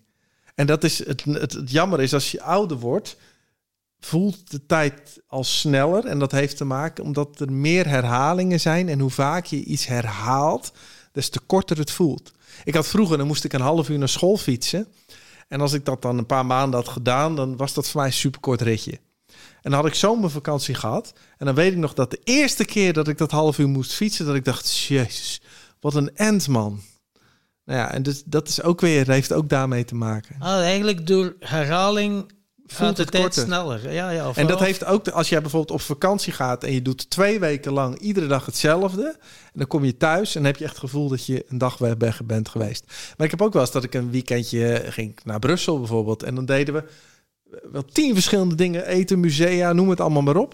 En dan kwam je thuis en dacht je, zo, alsof we een week weg zijn geweest. Ja. Dus de, het, eh, de kunst is, dat doe ik ook wel als ik met mensen afspreek, dat ik drie verschillende dingen doe. Eh, dus Guido was hier, dan gaan we eerst eh, schrijven hier, dan gaan we uit eten en dan gaan we naar een comedyclub. En dan heb je aan het eind van de dag een heel vol eh, gevoel van, oh, we hebben echt veel gedaan. ja, drie verschillende activiteiten. Juist. Dus elke keer weer een nieuwe, andere beleving. Ja, en ook Drie met verschillende coach. podcasts. Nou ja, nee, Ja, maar dag, ja, ja. klopt. Ja, dan- jullie gisteren drie keer 2,5 uur, dan Ja. ben je kapot, man. Ja, dat, toch, toch ben je nog wel tijdens het interview ben je wel scherp en eh, kun je wel die focus houden. Ja, dat is wel knap, ja. Dat, is ja, dat zit ook in je hoofd. Van, Ja. oh, oh. ja, daarna ben je kapot. Ja, Als je in bed ligt, dan komt het pas allemaal binnen. En toen zei tegen Tom, we waren onderweg van de tweede naar de derde. Zeg, ik, heb, ik, ik weet eigenlijk niet wat er allemaal gezegd is. Ja. Maar heel bewust heb je er allemaal opgevangen en je vraagt door en, en je zit in dat moment en dan is dat klaar en dan, dan, moet, allemaal nog, dan moet je dat allemaal nog verwerken. Ja, Allemaal nog een plekje krijgen. klopt. En dan in dit interview komen dan dingen naar voren uit dat gesprek waar je dan nu kunt gebruiken. Ja, Eh, maar net daarna, want ik dacht we gaan in de auto even een kort filmpje opnemen van wat hebben we, waar hebben we het over gehad. Het ging niet. Het ging niet. nee, nee. Ik ben, ja, Zit je vol. ja, ik hoop dat er niemand luistert. En dan moet je hoop- Ik hoop slapen. dat er nu niemand luistert, maar Ja, eh, je zit in de auto, je rijdt bijna door rood licht, of je rijdt helemaal door rood licht. Eh, je mist je afslag voor, eh, waar, je, waar je heen moest. En dan denk je van, wow, ik had wel even, even tien minuten misschien eh, moeten wandelen voordat we in de auto stapten. ja, ja, ja. Ja, sterker nog, het beste is slapen, hè, want jouw brein verwerkt de afgelopen dag in de slaap. Dus die is aan het organiseren, die die zet alles netjes in folders en die gooit dingen weg. En dan de volgende dag heb je het helder. Is dan ook wel belangrijk om eh, elke dag een powernap te doen? Minder dan een half uur? Dat wordt ook wel gezegd. Vanaf dat je langer dan een half uur slaapt, kom je in een andere fase van slaap of zo. Nou, dat is, het- ja, dat is deels waar, maar het blijkt ook dat powernaps van 40 minuten nog wel nuttig zijn hoor. Oké, Dus een powernap heeft echt heel veel eh, positieve effecten. Ja. ja, ja, ja.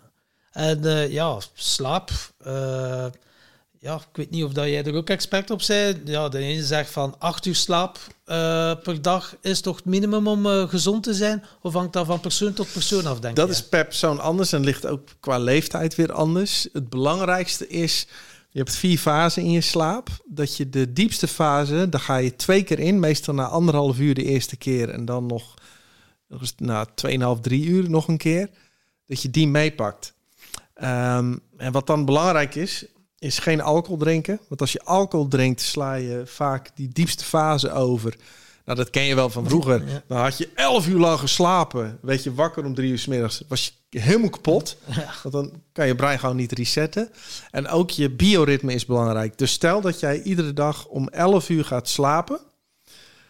Dan komt jouw brein rond half één in die diepste fase. En daarna nog ergens rond een uurtje of twee. Maar stel, je hebt feest gehad en je gaat pas om drie uur ga je naar bed. Dan is jouw brein in de war en dan pakt hij die diepste fase ook niet mee. Dus, dus hoe meer je in je bioritme, dan heb je een heel saai leven, maar goed, ehm, des te beter het voor jouw brein is. En op het moment dat je continu daarmee verschuift, daarom hebben mensen die eh, in vliegtuigen werken, die, die zijn ook echt helemaal, vaak worden ze eerder dement en zo, want jouw brein die snapt dat niet meer. Dus, dus die regelmaat werkt wel, hoe saai het ook is. Eh, dus ja, voor je brein, je bent al wel breinexpert. We hebben trouwens nog een podcast met Charlotte Labé, die is ook wel Oh, leuk. zo breinexperte. Ja. Eh, welke tips, concrete tips heb je voor onze luisteraars? Dus ja, wat ja meestal hoort, goede, eh, ja, voldoende slaap, goede slaap. Voeding, wat is goed voor je brein van voeding? Noten en eh, groenten. Ja, Nou, ja, dat kun je ook aan Charlotte vragen. Die weet dan eh, qua voeding meer dan ik. Aha. Eh, die, die kan zo'n hele lijst opnoemen wat Ja. allemaal. Maar ja, zo, zo, de basis is gewoon natuurlijk gewoon je, je groenten, je, je gewoon water drinken genoeg. Ja. Inderdaad wat noten. En Chris Verburg heeft ook wel heel veel geschreven over wat... de voedselzandloper. ja, eigenlijk is het heel simpel. Kijk, in de oertijd, die voeding is van ons nog steeds natuurlijk. Dus wat letterlijk gewoon groeit, is over het algemeen wat voor ons gezond is. Dus alles wat bewerkt is en met suiker en E-nummers, ja, dat, dat is eigenlijk niet waar je lichaam op gebouwd is. Ja, en dan, eh, oké, het brein. Wat doe jij om je brein in, conditie te houden? Ook alle dagen lezen of zo? Of wat, wat kan je doen? Oefeningetjes om je brein scherp te houden? Of, eh, Ja, kijk, ik ben sowieso heel leergierig, dus die informatie komt per dag wel binnen. Vaak wel via podcast en video's. Dat vind ik leuker dan lezen. En ik slaap wel veel en ik wandel iedere dag een uur. Hè. Dat is ook heel goed om je brein te, te resetten. Soms een powernap. Dus ja, ik leef wel best gezond en ik, ik heb niet te veel prikkels per dag. Dus het komt... Ik ga ook niet meer naar bruiloften waar ik geen zin in heb... of verjaardagen waar ik moedwillig moet zitten. Dat, dat, ja, dan moet ik weer luisteren naar iemand... die mij dingen vertelt over zijn werk. En dat ik denk, ja, dit voegt niks toe, zeg maar. Ja, dus, ja. dus ik ben best wel een, eh, een Ja. eikel soms. Ja, Terwijl dat je vroeger misschien een pleaser was of zo. En Ja, dan zat ik daar zeggen. en dan gooi ik er gewoon een fles wijn in, want dan maak je het wat minder mee. maar dat doe ik niet meer. Ik drink niet zoveel alcohol meer. Dus dan, nou ja, dus ik ga nu gewoon niet. Dus ja, punt. Je kiest voor jezelf nu. Ja, en dat maakt dat je, je kring wat kleiner wordt. Alleen wel eh, kwalitatiever. Ja, ja, same hier. Ja, ik merk dat ook. Door nu heel duidelijk uit te spreken. Nee, ik heb hier geen zin in. Ja, Ja, vroeger bang voor de reactie. eh, voor de rea oh, je, je- ik ga er niet meer bij horen. Want ja, heb ik gezegd, what the fuck. Ja, dat is dan makkelijk. Als Ja. ik dan er niet meer bij hoor bij die groep mensen of zo. En er komen nieuwe mensen, stemde, waar je dan, zoals nu ook, dat zijn fantastische babbels, waar je energie van krijgt en van leert. En uiteindelijk is het wel wat dat je ook als mens doet groeien. maar dat zul je ook zien. Als mensen, jullie een jaar zo'n programma doorlopen... dat doet iets met jouw hele zijn. Wat vaak gebeurt is dat relaties ontploffen. Want de een heeft een enorme groei en de ander blijft hangen. Maar dat maakt dat je in alle situaties... zit je niet meer op dezelfde frequentie als het ware. Daar gaan we geen uit- reclame op maken. We, we maken relaties kapot. hè. Nee, maar ik zei altijd voor de grap, nou, dat is ook mens- mensen die coachten en die kwamen hier, oh ja, non-dualiteit interessant. Dan wist ik al, 95% van de gevallen is, is het gewoon einde verhaal met de partner. Want ja, jij komt tot innerlijke rust en je, je bewustwording en je neemt jezelf wat minder serieus, maar ook je partner. Ja, dat, dat, daar mensen raken in paniek. En uiteindelijk is alles, zoals Nikolai Tesla al zei, frequentie. Hè, dus, dus iets past of het past niet. En dat is in relaties Ja. net zoals met vriendengroepen zo. Interessant, hè? En ja, ik, ik, ik, heb, ik heb het tegenovergestelde ervaren. Want ik ben juist dichter naar mijn partner toegegroeid door mezelf persoonlijk te ontwikkelen. Omdat ik empathischer ben geworden. En door de podcast leer je luisteren. Dus ik leer ook luisteren. Vrouwen, best luisteren, vrouwen hebben dat graag. ja best En, wel. en, en, hey, niet, niet meer zo boos op de wereld. oh ja, ja. Ook, ook een, eh, ik kon overal boos over worden. En ik van, huh? wat gebeurt er? Ja, dan, dan groei je naar elkaar toe. Zeker. Maar ik- inderdaad, je kunt ook wel hebben dat je je partner overstijgt qua bewustwordingsproces of bewustzijn. En dan, eh, dan ontspoort het. Dat Ja. best wel, kan best wel pijnlijk zijn. Zeker. Dan moet je er na 10, 15 jaar opeens een eind aan maken. Tenminste, niet eh, eh, aan de relatie bedoel ik dan. Ja, ja. ja. niet aan je partner.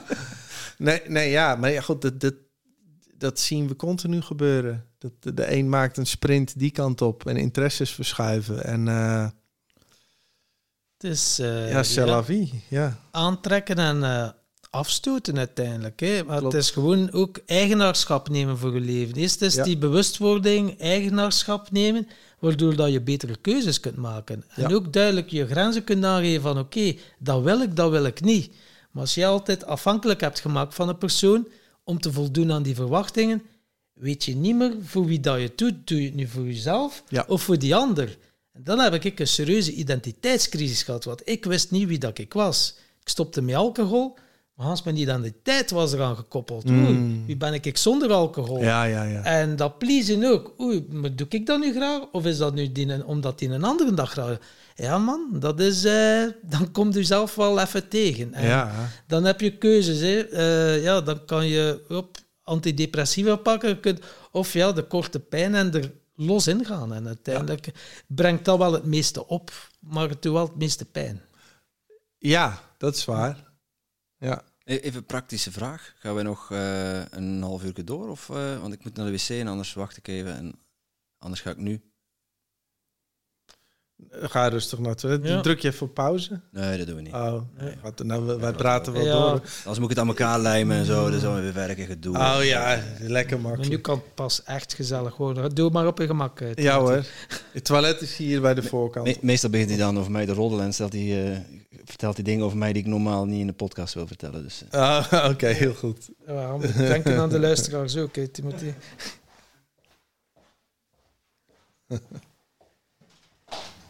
Ja, voilà, zie. Jawel, hè, de Timothy, hè.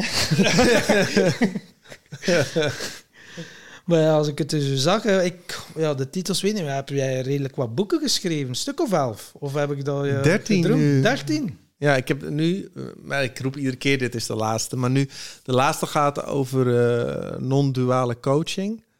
Dus coachen vanuit non-dualiteit. En ehm, waar het dan heel erg op zit, is wat ik net zei, je hebt zelf ontwikkeling, wat helemaal prima is. Je hebt zelf realisatie, dat is het doorzien van wie is nou eigenlijk die ik. En wat je vaak ziet is als mensen nog heel veel eh, pijn hebben, daar hebben we het ook over gehad, veel trauma, uh, dat dat vaak eerst om heling vraagt voordat je echt helemaal gaat ontwaken als het ware. Want uh, anders eist die pijn continu de aandacht weer op en dat blokkeert je hele proces. En, en toen begon met coachen lang geleden, was ik vrij radicaal. Uh, ze zei ik, nee, je moet het allemaal doorzien. En dan kom je op een gegeven moment erachter van, dit werkt gewoon voor heel veel mensen niet. Die mensen moeten gewoon eerst eens even heel mild gaan kijken naar, oh, wat is die pijn en wat doet dat? En pas als die pijn enigszins in balans is, een beetje verdampt als het ware, dan ontstaat er ruimte om, om echt down the rabbit hole te gaan. En daar gaat voornamelijk dat boek uh, gaat daarover. Oké, ja, ja, wat ja, mensen die zo zeggen, ja, door die pijn gaan, terwijl dat pijn gewoon een signaal is van hier, hier moet je je aandacht op vestigen. Want het is gewoon een alarmbelletje. Is een dat alarm... zegt, hey, er klopt iets niet. Uh, kijk, het is hetzelfde als jij uh, je, je arm stoot en, en het bloed. Wat doet jouw lichaam? Die zorgt dat het pijn doet, zodat jij naar je arm kijkt en een pleister gaat halen. Maar dus met psychische pijn is dit precies hetzelfde. Dat is ook hetzelfde alarm. Hier vraagt iets om aandacht. Kijk ernaar. En, en, en dan is de kunst om inderdaad uh, die pijn te gaan onderzoeken in plaats van verdovingsspray op de wond uh, spuiten voor kortstondige heling. Ja, want uh, hier in de westerse wereld is vooral symptomenbehandeling hè, in plaats van. Het is hier eigenlijk, als iets zo knettergek. Als ik bij de huisarts kom met een klacht, dus nog nooit een huisarts die aan mij vroeg: meneer, wat eet u eigenlijk? Terwijl als we de voeding al gaan aanpassen en gewoon normaal slapen en bewegen, dan is 70% van alle problemen, fysiek, psychisch, is al weg. Maar nee, oké, oké, nee, dan schrijf ik u nu maar dit middel voor. En dat snap ik, want dan krijgen ze weer provisie. En zo is de cultuur ontstaan. Alleen, er zijn slimmere wegen. Ja, want uh, we gaan nu ook bij een orthomoleculaire voedingsdeskundige. Ah ja, tof. En dat is dan ja, kinesiologisch met speeltest. Oei, je pancreas is uit balans. Oei, ja. hypofyse is uit, hypothalamus is ook uit balans. Oké, okay, ja. Zelfzorg. GABA dus, schrijf je zelfzorg voor. Ja, ja, pancreas was de zelfzorg en hypo, hypofyse en hypothalamus was dat, je, dat ik in angst en controle zat. En dat heb ik GABA gekregen Oh, ja. om uh, ja, bepaalde rust en vertrouwen te kunnen gaan. Ja, maar GABA is natuurlijk gewoon een lichaams-eigen een, een, een lichaams-eigen product. Dus, dus dat mensen dat toeschrijven, dat vind ik dan wel weer uh, veel natuurlijker. Ja, ja. En hoe sta jij tegen voedingssupplementen? Kan je alle vitaminen en mineralen uit je voeding halen?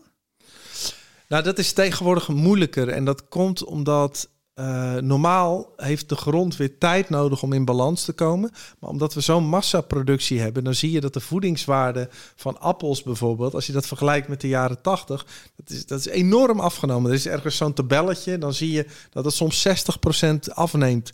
Uh, dus dan kun je heel veel eten, maar dan heb je nog niet de juiste hoeveelheid. En dan uh, is het zo af en toe. Maar dat is ook per lichaam weer anders. Maar ja, ik slik her en der ook wel wat bij qua magnesium, qua zink, uh, vitamine D, B12.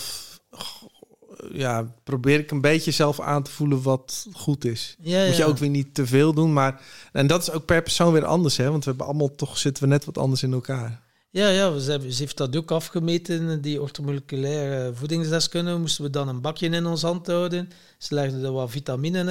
En dan zouden we daar, tot wanneer dat ze voelen, oké, dat Oh, is de ja, dosis ja. die je nodig hebt. En, Ja. eh, Ja. ja, ik moet wel eerlijk zeggen, ja, je, je experimenteert veel. Hè. Je, je bent dan zelf zo, die persoonlijke ontwikkeling. Ja, ik ben dan ook iemand...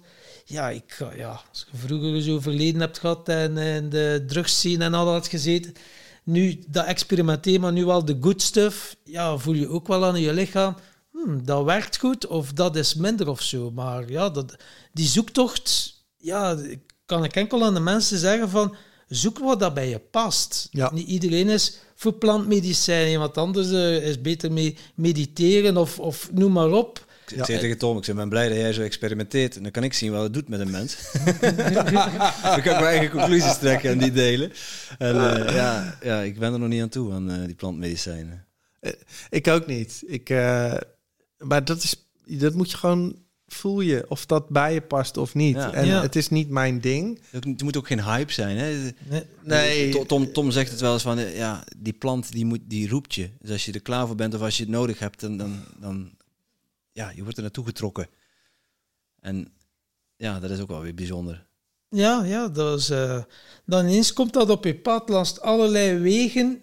Dat denk van, wa- wat, is dat? En ja, dan eh, is Maar- het gaan voelen. En Ja, en, en dat is, kan enorm veel eh, ruimte en bewustwording geven. Aan de andere kant zie ik bij mensen nu ook weer ontstaan dat die ayahuasca het nieuwe copingmechanisme wordt. Mhm. Ik heb nu een jongen die ik ken en die, die ja, nee, maar ik doe eh, eens in de drie weken doe ik sessie. En hij heeft zichzelf nu cognitieve dissonantie verkocht. Van dat doe ik voor mijn bewustwordingsproces. En ik denk, nee, dit is gewoon vervanging van de fles wijn. Want uiteindelijk, die ayahuasca toont u de waarheid achter de illusie, achter het verhaal. Oké, je krijgt die informatie, die plant communiceert met u, maar dan is het wel de bedoeling om het te gaan integreren in het dagelijkse leven. Ja, En dat vergeten veel mensen. Ja, die die denken willen van- quick fix. Ja, die denken, oh ja, nog een sessie of nog...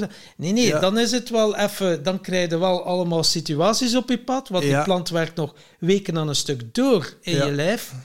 En dan, daar zit de winst in. Ja. En ja, in het begin ik ook, ja, dat was dan... Oh, ayahuasca, joh, wat een trip. Nu wel al op vier jaar al enkele, ja, een keer of tien of zo, maar nu weten ook van, oké, die plant die werkt nog door en nu in het dagelijkse leven krijg je de kans om dingen te veranderen. Ja. Niet enkel in die trip. Nee, Nee, precies. Dat is wel dat- belangrijk. maar als je goed begeleid wordt, volgens mij, ik ken die scene niet zo goed Ja. hoor, dan, dan hoort zo iemand dat ook van tevoren jou daarin mee te nemen. Dat is ook alles. Die shamaan of zo. Ja. Het mag, ja, je hebt veel mensen, ja, charlatans, hè, die enkel het geld gewinnen. hè. Dat dat eh, Ja. een fabriek is, hè, hup, volgende... Of mensen die thuis doen, gewoon zelf. En dan on- niet onder begeleiding en dan ook niet, Ja. en, eh, niet hetzelfde effect ervan. Nee. Dat geloof ik nooit. Want je, je, je, je vertelt daar heel uitgebreid over. Je hebt er ook een eh, podcast over opgenomen. Dat is echt een, een ceremonie. Dus daar gaan stappen aan vooraf. En je wordt gevraagd om bepaalde dingen niet te eten vooraf. Omdat het allemaal effect heeft. Ja, En als mensen dan met huis, tuin, keuken zelf eh, eh, ja, die, die plantwortel gaan mengen en, en dan naar binnen kappen. Ja, En dat je energieveld ook. Dus verschillende begeleiders om dat je energieveld ja, ook wel te bewaken. Want eh, ja, wat dat er allemaal naar boven komt, als je ermee een stuk of acht zit, dat, dat komt wel naar boven. Dus eh naar energie moet ook wel... ja, ja. ja, ja, dat komt eh, ja, veel naar boven. Ja, dat klopt wel. Maar eh, ja, eh, onze podcast gaat trouwens over geluk en succes. En mocht je nu hadden we... weten. Ja. Oh, oké. Ja. Leuk dat je na twee uur van... Trouwens, het thema is eh gelukkig. Oh, oké, oké. Oh, oh, ja. De twee vragen, er komt eh, niemand vanaf. En dat is, eh, onze, mijn eerste vraag is, wat is jouw definitie van geluk? Eh, nou, geluk is... eh Joshua Bach zei laatst, die vond ik heel leuk. Happiness is a cookie that the brain bakes for itself. Ehm, we zijn gemaakt om te overleven. En we zijn niet gemaakt om gelukkig te zijn. Dus je gelukkig voelen of ongelukkig voelen zijn allebei binnen deze duale film, zeg maar, super nuttig. Want jouw brein stuurt je daarmee. Dus op het moment dat je iets doet wat bij je past, voel je wat gelukkig, zodat je die kant op beweegt. En op het moment dat er iets gebeurt wat niet bij past, voel je ongelukkig. Dus dat streven van mensen om altijd gelukkig te zijn is krankzinnig. Want het is hetzelfde altijd willen inademen.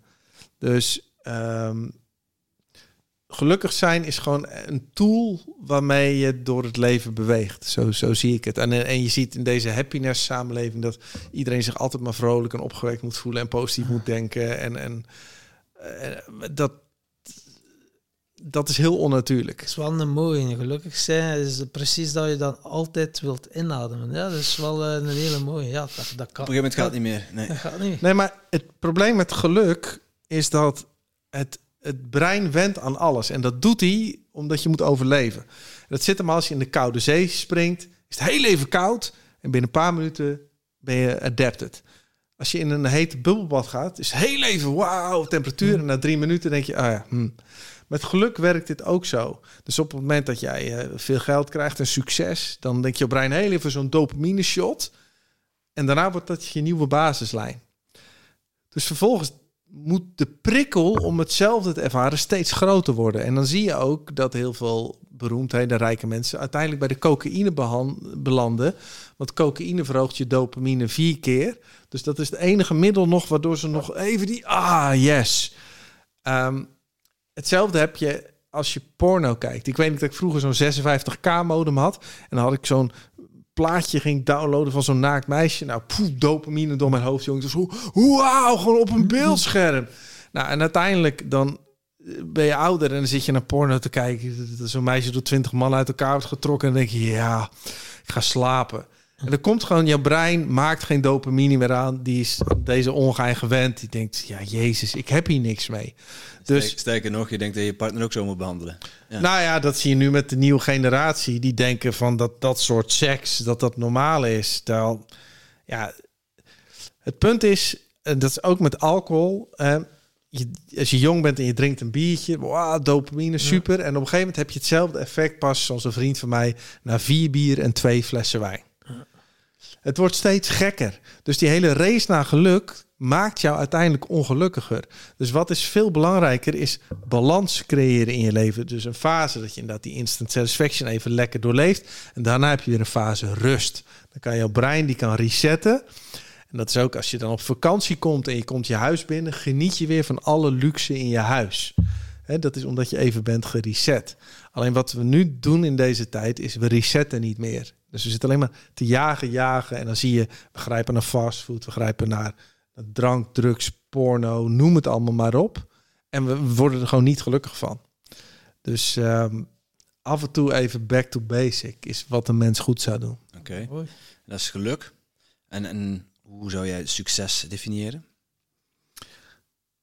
Dan ga ik weer citeren. Dat Dalai Lama zei ooit: meet succes niet af aan wat je bereikt, maar aan wat je hebt moeten laten om het te bereiken. Die vond ik ook mooi. Wow. Want je offert altijd iets op om iets te krijgen. En